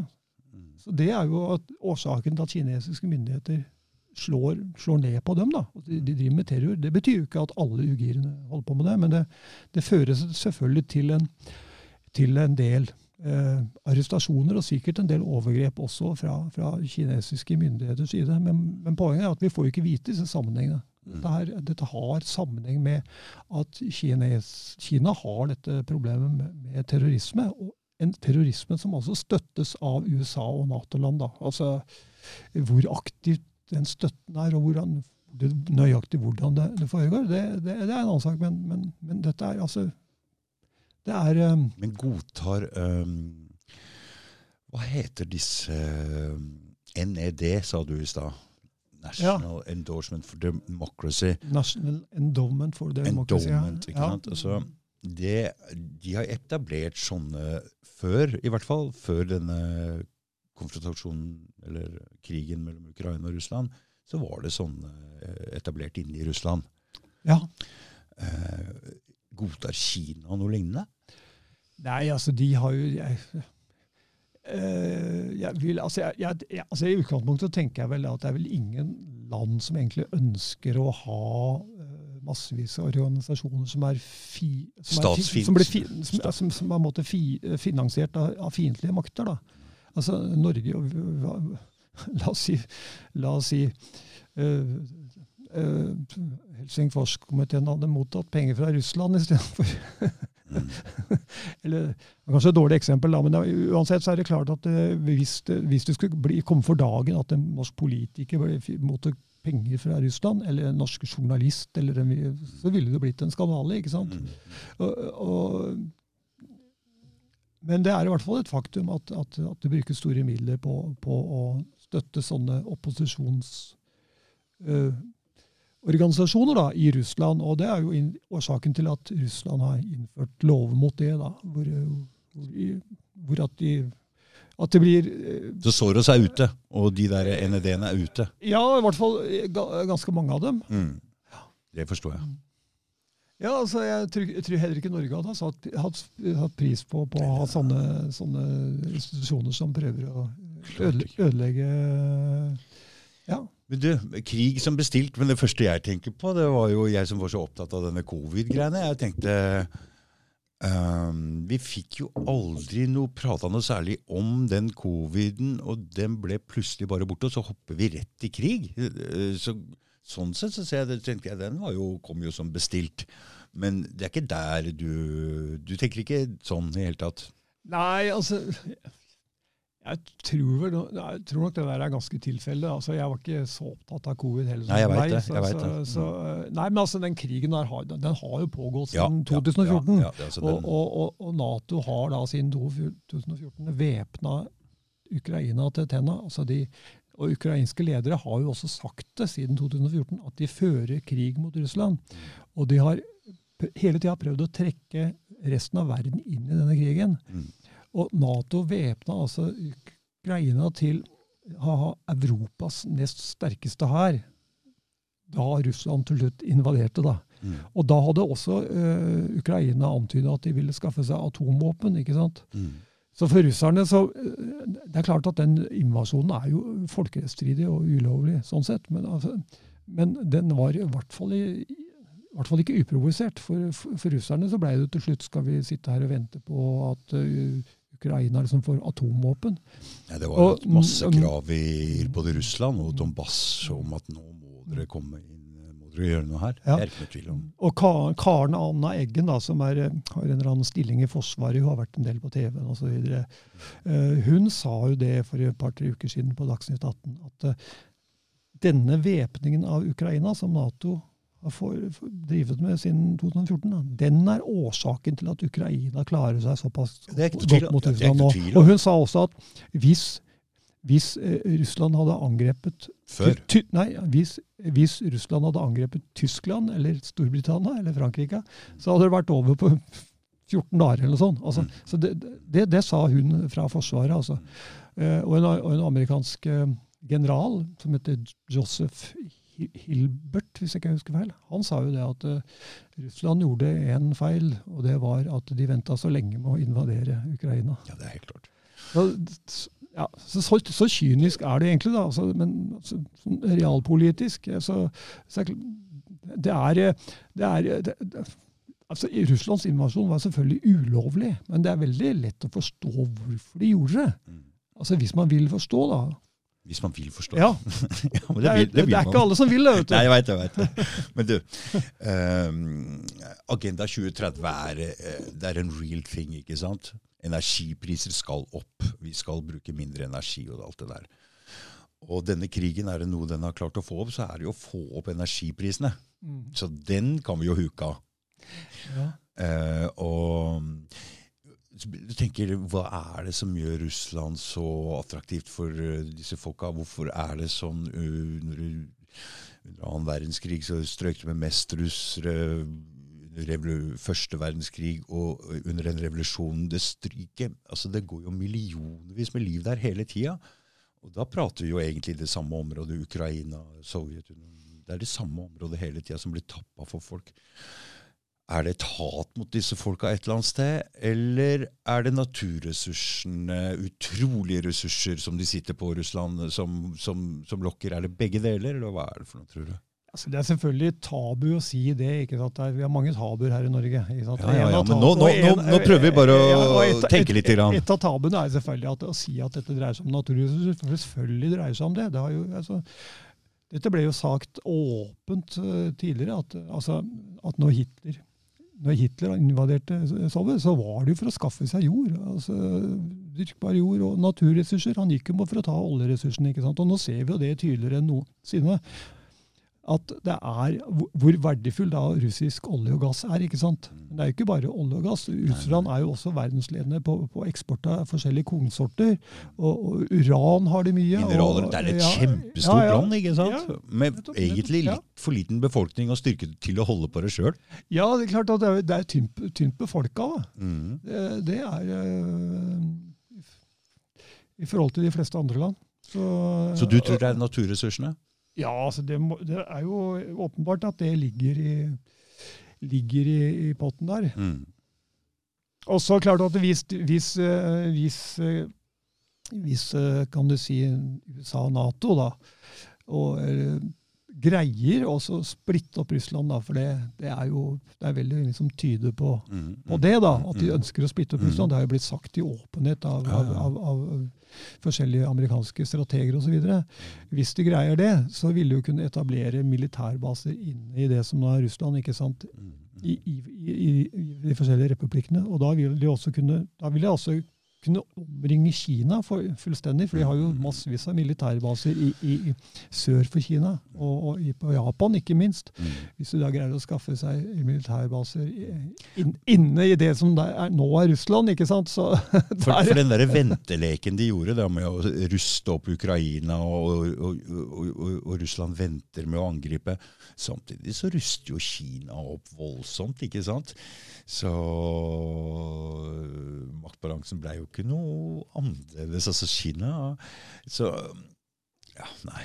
Ja, så Kina skjønner jo hva som er Kjenner jo lusa på gangen, for å si det sånn. Men Det morsomme der, som jeg leste i går, var det vel så, for at Der du har det der med Taiwan òg, ikke sant? Ja. Taiwan nå er tydelig at, eh, at USA og Vesten er, er, er redde for at Taiwan og Kina skal bli søke sammen igjen, da, ikke sant? Klart det. Ja, for det er jo egentlig en del av Kina. Ja, altså. ja, ja. Så Taiwan hadde, altså, men, altså Taiwan hadde, hadde bedt uh, i fastlandskina da, om å reparere et eller annet sånn militær farkost, eller hva det var. Mhm. Og dette syns da BBC var helt forferdelig, da. Britiske statskringkasteren mente at og det, dette var foruroligende. At Taiwan ba Kina om å reparere den her, istedenfor å be USA eller oss om det. ikke sant? Mm. Altså, For da kunne det blitt fred. ja, ikke sant? Men altså, de, er, de, er altså, de er rett og slett redde for at det skal bli gode forbindelser mellom Kina og Taiwan. Men du, den, den Taiwan-Kina-biten, kan du nok om det, eller hva er det for noe? Eh, så det, er jo, det er jo samme folkeslag, og var det ikke noe med noe bråk under revolusjonen, så dro en del folk til denne øya Taiwan. Og hva er historien her? Kan du den? Kan jo ikke så mye om det, men altså, Taiwan var jo, var jo en del av Kina. altså også under den kinesiske borgerkrigen da, på slutten av 40-tallet. Da var USA veldig involvert der. Jeg tror de skal ha hatt så mye som 100 000 mann faktisk inne. Men, men, men eh, det var jo det var jo var det midt under annen verdenskrig? Ja, ja, den kom Rett etter? Nei, etter, ja. Det, Mm, så, men, mm. men Mao vant jo den Ja, borgerkrigen. Og da søkte jo de der Kuomintang, som de kalte seg, okay. søkte jo da tilflukt på Taiwan, hvor de da Mm. hadde USAs beskyttelse. Riktig. Men USA ga jo ikke opp forsøket på, å, på måte å, å, Eller krigen som de hadde ført mot Kina, da. For de, de prøvde jo Så de så det, Koreakrigen hadde også noe med det å gjøre. For at de så på Korea som Hvis de kunne, hadde kontroll over Korea, så ville det bli lettere å, å, å knuse Kina. Ok, så, så rett etter annen verdenskrig så kommer den revolusjonen i Kina. Ja, eller det var en borgerkrig som, borgerkrig. som pågikk da til 49, var det vel? Ikke sant. Ma, Mao, Mao da Og da tar bare. USA og flytter disse hærstyrkene som allerede er etablert, og en krigsindustri som er, og flytter 100 000 mann ned dit. Ja, altså, det, ja, altså USA var, var involvert i den borgerkrigen da, som pågikk altså, Mm. i ja, fire-fem år da, etter andre Mm. verdenskrig. Ja. Eh, eh, men så, så vant jo Mao den krigen der, da. Mm. Og, og, men da hadde jo også eh, USA okkuperte jo da også Sør-Korea, ikke sant? Ja, ja, ja. Så Ja. Nå, nå de forflytter troppene sine fra Europa ned til Taiwan eh, og Korea og og, og, og Vietnam Hva er det som skjer her? Hva er det som skjer her? De, de, hæ? Hva, er- hva er gangen her for, for noe? Så rett fra Europa ned til Taiwan og er med i borgerkrigen Ja, taper derfra, og Ja. da er det 1940-1950. Ja. Og da begynner de å bombe Korea, eller hva? For det var var på 50-tallet. ja altså den Koreakrigen, det heter seg at den begynte i 1950, da. Men i Ikke sant? Ja. men- men- en gang revolusjonen eller Mao vinner omtrent, så er det rett over å bombe i, i Korea. Ja, altså Det heter seg som sagt at den Koreakrigen begynte i, i, i, i fem, juni, 25. juni 1950, tror jeg det var. Men i virkeligheten så hadde jo da på det tidspunktet vært, vært krig mellom Sør- og Nord-Korea. Mm. Hvor USA var, okkuperte Sør-Korea og, og Sovjet eh, Nord-Korea til å begynne med, men, men Mhm, Sovjet trakk seg ut etter noen år. Så det var altså krig mellom Sør-Korea og Nord-Korea i flere, flere år før 1950, samt at det var en borgerkrig innad i Sør-Korea. Men, men allikevel så lyktes da USA med å overbevise da FN for da, til jeg fikk altså FN til å eh, vedta en, en sånn resolusjon mot Nord-Korea på basis av at det var de som starta krigen, mens den virkelig hadde pågått i flere år. Um, på den tida der så hadde jo da USA ikke sant, de hadde, ha- USA alene hadde halvparten av verdens bruttonasjonalprodukt. Mm. Og det var bare 52 F land med i FN. All, nesten alle de her var jo avhengig av USA. USA. ikke sant? Så, så de, de stemte jo sånn som eh, Mm. USA ville. Og, og Sovjet boikotta som sagt eh, avstemningen. Stemmer det at de slapp eh, flere bomber over Korea eh, enn det de slapp under annen verdenskrig? Ja, det tror jeg kan stemme. Eh, Ja, det tror Og jeg kan stemme. For det var, det var jo, så det var sitter vi og er litt ja, sånn ja. Hvorfor er han derre Kong Ying Hva heter han derre sjefen i Korea? Kim, Jong-un. Kim Jong-un. Kim- Hvorfor er han så skeptisk? Ja, ikke sant? Så USA har jo egentlig aldri oppgitt den der krigen, der, og de har fortsatt nesten 30 000 soldater i Sør-Korea. ikke sant? Og Ja. holder stadig militærøvelser Mm. eh, tett på Nord-Koreas grense. og sånn, Så det er, det er ikke så rart om, om de på en måte har væpna seg tennene og etter hvert, og etter hvert skaffa seg atomvåpen. Mm. Eh, Det, det, det, Men så, eh, når, når, når stoppa det krigen i Korea? På, det, ble en sånn våpentilstand i 53. Mm. Og så, Og da- hva men- var neste trinnet til USA nå? Nei, altså, det er bare, det er bare en våpenstillstand, så det, egentlig så råder det fortsatt en krig mellom sør og nord, da, og, og, hvor USA er på Mm. Mm. alliert med sør. Men så er det stille en stund før Vietnamkrigen, eller hva? Ja, Vietnamkrigen er en annen, annen krig, da. ja, men det er USA her òg! Ja, altså Vietnam, eller Indokina Vietnam Ja, for det var fransk, dette her. Ja, det var en fransk koloni. Ja, Og mm. Vietnam var da en del av det som ble kalt for Indokina. Mm, Eh, Laos og mm. Kambodsja var det Ja, for Ja, de, de, de gikk med dragsuget også. De også ble bomba. Altså, som sagt, altså, da, det var en, Vietnam var en fransk koloni. Og han Ho Chi Minh, da, som var eh, vietnamesisk eh, sånn, eh, frigjøringshelt, som prøvde jo å bli kvitt disse franske okkupantene. Da. Og, og, og da ba faktisk USA om hjelp til dette her. Kan dere hjelpe oss med å kaste ut Frankrike? Oh ja. Ikke sant? Oh ja. Så, Så, men da valgte altså USA isteden å hjelpe Frankrike med å beholde Vietnam som koloni. Så det var jo en krig der eh, inntil 54, var det vel, hvor Frankrike tapte så det suste og måtte Ja. trekke seg ut. Mm. Men USA trakk seg ikke ut. Nei. De fortsatte å støtte, og de sørga da for, for at Vietnam ble delt i nord og sør. For han, Mm. Det, var, det skulle ha vært et valg i Vietnam i 1954, Mm. men da visste USA at han Ho Chi Minh ville vinne helt suverent. Mm. Eh, antageligvis 80 av stemmene. Det, det visste USA da. Så da, så da, da boykotta, eller sørga de for at det ikke ble noe valg, men at de da fikk installert en sånn marionett i sør. da. Så ble det krigshandlinger mellom sør og nord der også, i Mhm. tillegg til at det var et krig, kan du si, eller krigshandlinger innad i sør også. Og så ble da, kan du si, gikk USA mer offisielt inn i denne krigen i 1964. da. Mm. Og de måtte jo da fikk Tapte jo så det suste til slutt, da. Mm. Men du, la oss og Kambodsja de ble også bomba i samme momentet. Var ikke de egne land på den tida, eller hva var det? Jo, det var jo det, men de ble jo brukt eh, Sånn kan som du, si, de, du, kan si at de fikk jo våpenforsyninger i Vietnam fikk våpenforsyning gjennom Kambodsja særlig, tror jeg det var. mm. Og så det var, det var vel det som var hovedårsaken til at USA bomba de landene Mm. så mye. da. Mm. Mm. Pluss at uh, det var jo USA som egentlig sørga for at han der eh, Pol Pot kom til makta ikke sant? Eller i hvert fall støtta han, da. Ja. Og det endte jo opp med det største altså. Ja, altså, du, det var, ikke sant? Eh, det som er helt krise, for da, Hvor- var, jo, da, var, det jo, da, var, jo, da var det jo Vietnam som, som greide å drive Pol Pot fra makta i 79, var det vel. Men USA og Vesten, inkludert Norge, fortsatte å støtte Pol Pot i eksil. For han, han var i eksil i Thailand til, eh, til han døde, vel, omtrent. Så, men de fortsatte å støtte Pol Pot, Pol Pot og Røde Khmer i eksil i Thailand, Thailand til uh, 1990, eller litt inn på 90-tallet.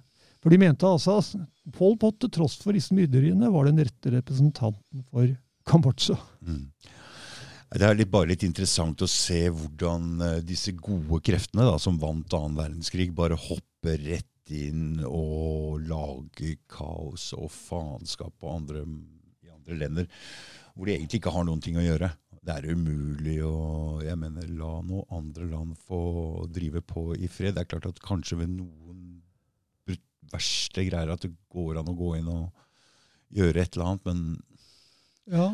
Men, men, men, våpen inn for fred, det blir jo samme nå igjen. ikke sant? Våpen for fred, Lars. Eh, det er en, er en veldig det er litt veldig rar Hæ? Ja, han er Jens Stoltenberg at han overgår seg sjøl stadig vekk. Liksom. Nei, våpen er veien til fred i Ukraina! men, så, men, så, men, men liksom, når Kina da, liksom, For de som måtte Kina kanskje levere våpen til Russland Nei, det kan vi ikke ha noe av!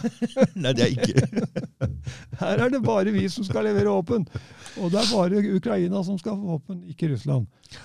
Så boka di, eh, du har litt om propaganda, litt om Helsingforskomiteen og disse NED, den Soros-greiene. Ja, den boka kan du si er delt i fire deler. da, hvor de første, første delen, første fire kapitlene handler om Ukraina. Og så er det da den andre delen som, som handler om Nato, tilblivelsen av Nato. Eh, ja. Uh, og hva Nato har blitt brukt til, mm. som vi var så vidt inne på i stad. Ja. Så er det den tredje delen som handler om, om om Russland. da.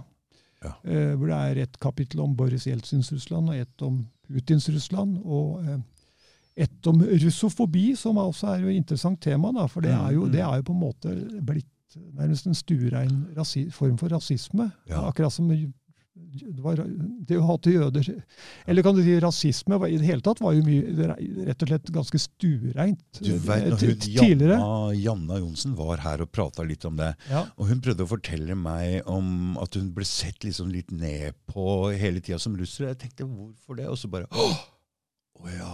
Sånn derre du vet sånn, de blir sett ned på for de var sånn der, som ble gifta bort, bare sånn ja, nesten som blir nesten sett på som horer, skjønner du? Ja.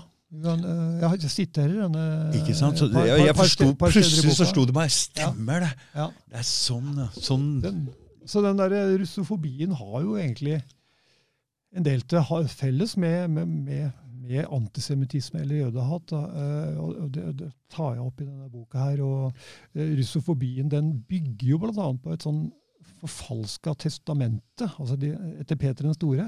Okay. som ble lagd et forfalska testament av han. Som, som, jeg tror det var, var, en, det var, en, polsk general som leverte dette her til, til Napoleon for å, for å, få med seg da Frankrike på, på en sånn militær innsats mot Russland. Nå skal jeg ikke, jeg ikke være helt sikker på detaljene her, men i hvert fall så dette eh, forfalska testamentet, da, hvor det beskrives en sånn, eh, hvor det, hvor det hevdes da at Russland ønsker liksom å, å, kontrollere he, hele Europa, det er et falsum. Som da ligner litt på de Sions vises protokoller? Som, mm, mm. som, som, der, hvor, det, hvor, det, hevdes at, at, jøder skal eh, herske over hele verden. og at det mm. konspirerer for det. Så det, det, er også noen likhetstrekk der. Men i hvert fall, så, selv om dette er et falsum, da, så har det altså blitt brukt liksom eh, i propagandaen eh, nesten inntil våre dager. Mm. Ja. Det er ja. Nei, og så kan du se på russofobi. Hva, hva, hva, slags virkninger har det? Um, jeg tenker jo da at Ta Nord Stream-sabotasjen, da. Ikke sant? Ja, ikke sant? La oss gå Hvem, den. Hva er det som får alle norske journalister, redaktører og politikere til å peke på Russland? Mm. Jeg mener, det, det det kan være flere årsaker til det. det er det, for de tør jo ikke å peke på USA. De tør jo ikke det, Selv om mm. USA nærmest hadde annonsert det på forhånd, så turte de ikke å peke på USA. Men Russland er alltid grei å ha som syndebukk. Så dette dreier seg jo delvis om, om russofobi, altså nedarva fordommer mot Russland da, og, og jo, russ, russ, russer i det hele tatt. Og Det er jo ikke det eneste, det er ikke eneste tilfellet, men poenget er at sånne dermed får russofobien veldig farlige konsekvenser iblant. For at Mm. det tas da eh, Men, veld, veld, det får- ja, det tas eh, drastiske beslutninger på vegne av det som egentlig bare er en fordommer eller mistanke. Men konsekvensen av å peke på USA, og tro at det er USA, eller at vi sier at det er USA, den er jo stor.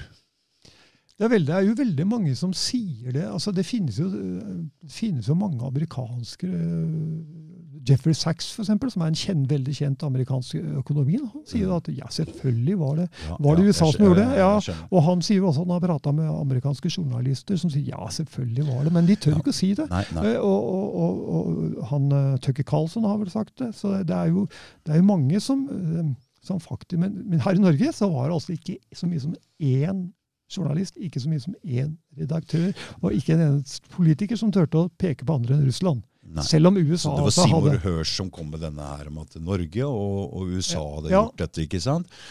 Og det tok ikke så lang tid før Russland tok opp dette i Nato. Nei, og, tok, tok, og, og nevnte det, uh, dette her om at eh, Norge og Russland Ja, tok det opp, ja. Jeg tror det var der de tok det opp, og sa at ok, så dette er de nye reglene nå. mm, eh, infrastruktur er eh, altså tilgjengelig eh, krigsområde. Eh, ok. altså Det ligger så mye infrastruktur åpent. Altså Vi prater internett, vi prater eh, Ja. gass og oljeledninger som ligger så ubeskytta til Ja. at eh, hvis det ryker mer av det, det får utrolige konsekvenser for, eh, for folk da, flest. Altså, USA har jo til og med uttrykt gl nærmest glede over dette i ettertid. Ja Mm. Allikevel så er det Russland som sier, nå er det ikke, så, nå er det ikke nå, nå har det kommet til, fram nå, nå, nå tør man kanskje antyde at det kan være noe annet enn Russland. Da, men, men mener, altså, det er klart at Russland hadde, nei, USA hadde jo selvfølgelig De har jo sagt det egentlig mange år, at de ønsker å selge sin gass til, til Europa. Men poenget er og den er jo mye dyrere. så at det er, Europas velstand, eller særlig Tysklands velstand, har jo egentlig vært basert på at de har kunnet kjøpe billig gass Energi, fra, mm. fra, fra Russland. ikke sant? Og så ser du da at det der har jo da, selger jo da USA veldig mye gass til. Samt at Norge tjener på det. ikke sant? Men USA har jo også hatt en interesse av å hindre gode forbindelser mellom, mellom Russland og Tyskland. Du, Europa, ikke sant? Hvis det skulle vise seg at Norge har vært med på dette, og det kommer fram, samtidig som vi tjener penger på å selge gass, så kan vi jo bare drite i å prøve å dele ut den fredsprisen etterpå, eller? Og late som vi er de snille. Det blir vanskelig da. Hadde det vært, hadde, det vært, hadde, hadde norske politikere og sånn vært ærlige, så hadde de jo satt, lagt, satt eh, Droppa den fredsprisen for, for lengst, ikke sant? Ja. Eh, Ja, for da er vi både krigsprofitør og er med på ja. Ja, ja. Mm. Jeg vet ikke, jeg. Nei, altså det, det Jeg vet ikke. altså Det er klart Her i Norge så fikk man jo panikk eh, i bli involvert i det der. ikke sant? Men når man ser på, når man vet litt om hva Norge faktisk har vært med på tidligere, da, det tar, Ikke tar jeg opp på Mm, denne ja. boka her, Mm. så er, det- skal man faktisk ikke utelukke det. Altså Norge var faktisk med, eller i hvert fall norske, norske etterretningsfolk, da, om de gjorde det med øh, godkjenning fra myndighetene, det vet jeg ikke, men de var faktisk med på å utløse Vietnamkrigen. Få For, fordi, at de, Mm, mm. fordi at de deltok De var sånn hjelpemannskaper på amerikanske krigsfartøy som drev med operasjoner der og i Vietnam før den virkelig brøt ut i 64. Mm -hmm. Det var nordmenn med på. Det er blitt, det blitt kjent. Til og med NRK lagde en dokumentar om det på slutten av 90-tallet. tror jeg det var. Ok. Og, og, og Norge har jo vært altså mange den, Morten Jentoft avslørte jo for eh, ti års tid siden at, at det, var en, det var en nordmann som på sitt dødsleie eh, fortalte at han hadde vært inne på sånn hemmelig tokt i Sovjetunionen. Og hadde da sett seg nødt til å drepe to eller tre sovjetiske soldater, da, for at de hadde tatt den på fersken. eller noe sånt. Mm. Så, så Norge har jo faktisk Og dette U2-affæren er jo veldig kjent. da, ikke sant? Men, Nei, hva er det? Nei, det var jo det der spionflyet fra 1960 som Det var et sånt spionfly som gikk fra Hadde vel base i Pakistan og i Bodø, tror jeg. Så det, Mm. liksom, fram og tilbake mellom Pakistan og Bodø, tror jeg det var. Eh, amerikansk spionfly som fløy over Sovjetunionen og tok bilder fra, fra høy, høy avstand. Det ble jo, det ble jo skutt ned av, av Sovjet i, i 1960. Mm. Og da, da kom det fram at dette her eh, hadde hatt opphold på en, i Bodø. da. Mm. Da nekta jo regjeringen Gerhardsen nekta jo for det til, å for det til å begynne med. Men, eh, det, og det er, det er noen som mener at det kan hende at Gerhardsen ikke var informert om det, men at, at forsvarsministeren var informert om det. da. Mm. Dette vet vi jo selvfølgelig ikke, men poenget er at Norge har faktisk vært involvert i mye, Mm. mye stygt opp gjennom Mm, åra. Så, så jeg, jeg mener eh, at man ikke kan se bort ifra det. Alf R. Jacobsen, som er en ja, Han lagde forresten den dokumentaren eh, om denne Vietnamkrigen som jeg snakka om. Mm. Han, han er jo en av de som mener at det, det, dette her er faktisk plausibelt. Da, at det er mulig at Norge har, har vært med på det. i Så Norge er i ikke så uskyldig som Nei, det er jo det, det, var, det, er jo det, det vi ble opplært til, da. Men eh, det er jo gjerne noe bak fasaden mm. Mm. til alle. Ja. ja, til alle. Selv, selv, selv en som deg, som ser så snill ut. ja, da har jeg nesten blafra utom alt bak denne fasaden, så det er ikke så mye som står igjen her. Men noe er det vel. Ja. Noe får vi holde hemmelig, kanskje. er det noe mer du har lyst til å trekke fram fra boka di? Altså, Den var delt opp i sa du, eh, fire, fire deler. Ja, kanskje ikke å si litt om Amnesty også, da, for Amnesty International det er Ja. en, det er jo en organisasjon som, som, eh, som eh, ja, arbeider for eh, menneskerettigheter og sånn, og ble opprinnelig danna tidlig på 60-tallet for, for å få sånne såkalte samvittighetsfanger løslatt. da. Men det er jo også en organisasjon som, som har vestlige donorer. da. De, har forandret, Ja. de forandrer seg litt etter hvert, disse organisasjonene. Etter, I, ja, det kalles jo soft power. Og det ser jeg altså Det er jo en stortingsmelding som sier veldig klart da hva, hva norske politikere eh, forventer seg av visse organisasjoner. Stortingsmelding nummer 15 fra 2008-2009. Der står det mens man tidligere skilte mellom frivillige bistandsorganisasjoner og politiske organisasjoner som Amnesty International og Nei til atomvåpen, er nå det store flertallet av frivillige organisasjoner politiske operatører og påvirkningsagenter. I tillegg til å være operasjonelle bistandsaktører. Innsamlende midler anvendes i tett samarbeid med media og internasjonale mediepersonligheter for å maksimere synlighet og politisk innflytelse. Samtidig samarbeider de stadig tettere og oftere med myndighetsaktører og næringslivet. Globaliseringen med tilhørende, tilhørende medie- og kommunikasjonsrevolusjon har ført til en betraktelig økning i disse aktørenes evne til nettverksbygging og politisk påvirkningsarbeid på tvers av grenser og aktører. Det står altså i en stortingsmelding fra nummer 15 2008-2009. Så det viser jo da hva egentlig norske politikere forventer seg av en organisasjon som Amnesty International. Mm. Så norske politikere hadde aldri problemer med at Amnesty eh, påpekte menneskerettighetsbrudd i f.eks. Syria eller Russland. Eller, Mhm. eller, eh, men i det de kritiserte Ukraina De kom jo med en sånn uttalelse om for De Å ja, de å ja, kritiserte mm. Ukraina eh, i, for, for, eh, for brudd på krigens regler. da. Mm. Uh, fordi de ikke hadde beskytta sivile godt nok. eller jeg husker ikke nøyaktig hva det var. Mm. Da hadde Amnesty kommet med 20 uttalelser som kritiserte Russlands uh, krigføring i Ukraina. Mm. Så kommer det med én uttalelse som kritiserer Ukraina. Da er det plutselig helvete løs. Ok, hva Både, bo, nei, altså det var jo, det var, både fra politikere og, og, og mediefolk så var det jo en, mente at det var en skandale at du kritiserte Ukraina. Var han eh, Peter Frølich, han høyremannen på Stortinget, var jo en av de, han var vel den som var høyest på banen med dette her. Mm. Så nei, Poenget er at det, dette viser jo da egentlig hva, hva politikerne forventer seg av, av, av en organisasjon som Amnesty International. Da. Og da forstår man jo hvorfor, hvorfor de yter pengestøtte også, ikke sant. Mm.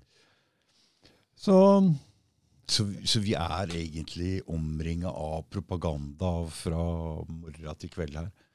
Ja, altså mye av den propagandaen er jo, er jo, ikke, er jo egentlig helt umerkelig også. ikke sant? Ikke sant. Fordi, at, fordi er, de er alle, vi er jo allerede så indoktrinert i visse forestillinger Ja. om, om, om, om, ja, f.eks. et land som Russland eller, eller Kina eller Syria. for den saks skyld. sant? Så vi er jo allerede kan du si, indoktrinert sånn og sånn, sånn og sånn at vi tenker ikke over at Vi, vi forventer at disse landene skal omtales negativt. da.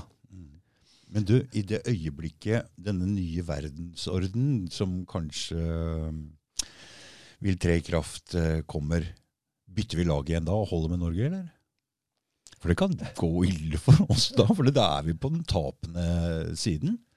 Så jeg, jeg er jo Jeg holder jo med underdogene hele tida, og Ja, ja, ja. nå er jo underdogen ikke oss.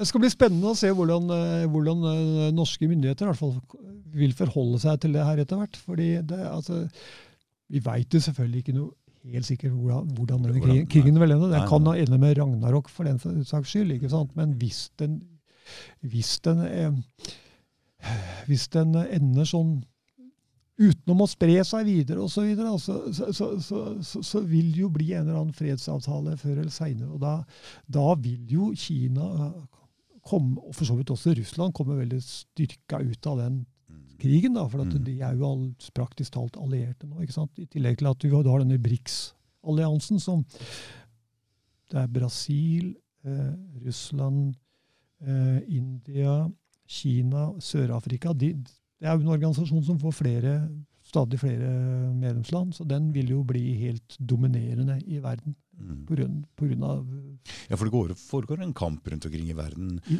Når han derre Khan, eh, Imran Khan Ja. fra Pakistan eh, besøkte Putin, så ble det fort eh, kupp i Pakistan. Ja, og der skjedde det noe, noe mystisk, ja. Så det er klart det foregår en eh, kamp om verdensherredømme i, i ly av denne krigen. Det er ikke tvil om det. Så det her er eh, Vi lever i en Blir, eh, vi- blir Trump president, da, så er det jo faktisk eh, håp om at eh, for, for det er jo tror, du det, tror du det, Lars? Fordi han er veldig sånn eh, It's the China virus. ja, ja, ja. Ja, ja, men da, han, han, vil, eh, han vil nok eh, Vi skal tro på det han sier, da, så vil han avslutte våpenstøtten til, til Ukraina. Og så kan du si at det er vel også en trend i det, trend i flere europeiske land at, at det er at det i folk i hvert fall er mindre oppslutning om denne krigen. Og i flere Nato-land er jo også folkeflertallet mot å levere våpen til Ukraina. For at det, det, er- tross alt så ser jo de aller fleste da, i, i verden eh, ser jo at, at, at Nato og Ukraina har like stor skyld i denne krigen som Russland. Ukraina kan ikke vinne den krigen mot Russland alene, selv om du dytter inn alt så mye våpen der. Men du, hvis du hadde spurt folk før denne krigen her, da, så, sånn som det her Det bor en del russere i et område i Ukraina. Uh, hvor mange ukrainske menneskeliv uh, vil vi bruke på og at ikke den delen av Russ eh, Ukraina skal bli russisk? Kom med et nummer. Hvor mange ukrainske menneskeliv? 10? 100? 1000? 200 000? 300 000? Hvor mye svarer dere? Eller er ikke ukrainske menneskeliv noen ting verdt? Nei, altså det er jo Det, Det er jo et eh, reelt spørsmål. Ja, ja, det er jo For det er det det går på her. ukrainske forsvarsministeren sa det rett ut her for en måned eller to siden. At uh, vi kjemper. Vi yter vårt blod for at dere skal slippe. Så peker han da på, på Vesten. Og så sier det rett ut. Vi, vi kjemper for dere. Det er vårt behov. Og så, for, for, skal vi, vi skal gjøre jobben vår, dere. Slapp av. Liksom. Jeg synes det er helt og, og, og dette her, eh, som du sier, altså jeg kan jo ikke tenke meg at Ukraina har en sjanse til å vinne denne krigen her. Så lenge de bare får våpen, i hvert fall. Vi får da håpe at de i hvert fall ikke begynner å sende, at Nato ikke begynner å sende soldater inn. Da. Og det, er jo, det skjer jo, nå får de jo antageligvis kampfly. da, Det skjer jo en opptrapping. Det gjør jo det. Mm. Men det, det vil jo bare forlenge krigen. Jeg kan ikke se at det vil bringe noen løsning på det. Så- Hvis vi ser litt på hvordan denne krigen starta, så det er ikke den sånn tradisjonell krig som Nato og USA har gått inn, f.eks. i Irak, hvor de går inn og bomber bomber, teppebomber alt sønder og sammen. Infrastruktur, alt mulig. Og så går de inn etterpå med tanks og alt mulig. Det er ikke den måten Russland har gått inn her. De har gått inn litt mer forsiktig. Ja, altså det, og Russland og Opprinnelig så ønska jo Russland kun at Ukraina skulle være nøytralt. Det var det, altså, det, status quo, da. Mm. Altså Russland ønska ikke noe mer enn status quo, at, at Ukraina skulle være nøytralt. Men USA og Nato de, de anerkjenner ikke at, de respekterer ikke at land skal være nøytrale. Det, det er som George Bush sa, enten er dere med oss, eller så er dere med terroristene. Så Nato øh, dreiv jo, selv om de visste at massivt flertall i Ukraina var mot Nato, så dreiv de og pusha på for å, for å få Nato inn i, i, i Nei, unnskyld, Ukraina inn i Nato. Oransjerevolusjonen i 2004 var jo et sånt forsøk. Og så kom det der nye kuppet i 2014. Så mm, Dessverre så Nå mista jeg tråden litt. Jeg prata lenge nå. Kanskje det er konsentrasjonen som begynner å svikte. Er det mer du har lyst til å trykke fram fra, inn fra boka di, Lars? Eh, nei, jeg tror, tror, det er nok. da. Tror du nok, ja. Greit. Det begynner å bli varmt her òg. Ja, det er varmt. Ja, fyrt, og så må vi lukke igjen den døra, fordi eh, jeg har kjøpt meg en liten kattepus, og ja. den er helt vill. Eh, den hadde vært overalt. Og ja. Det er veldig varmt her nå. Ja. ja. Men da sier vi at dette er bra, så takk for at du kom. Jo, takk. Det samme.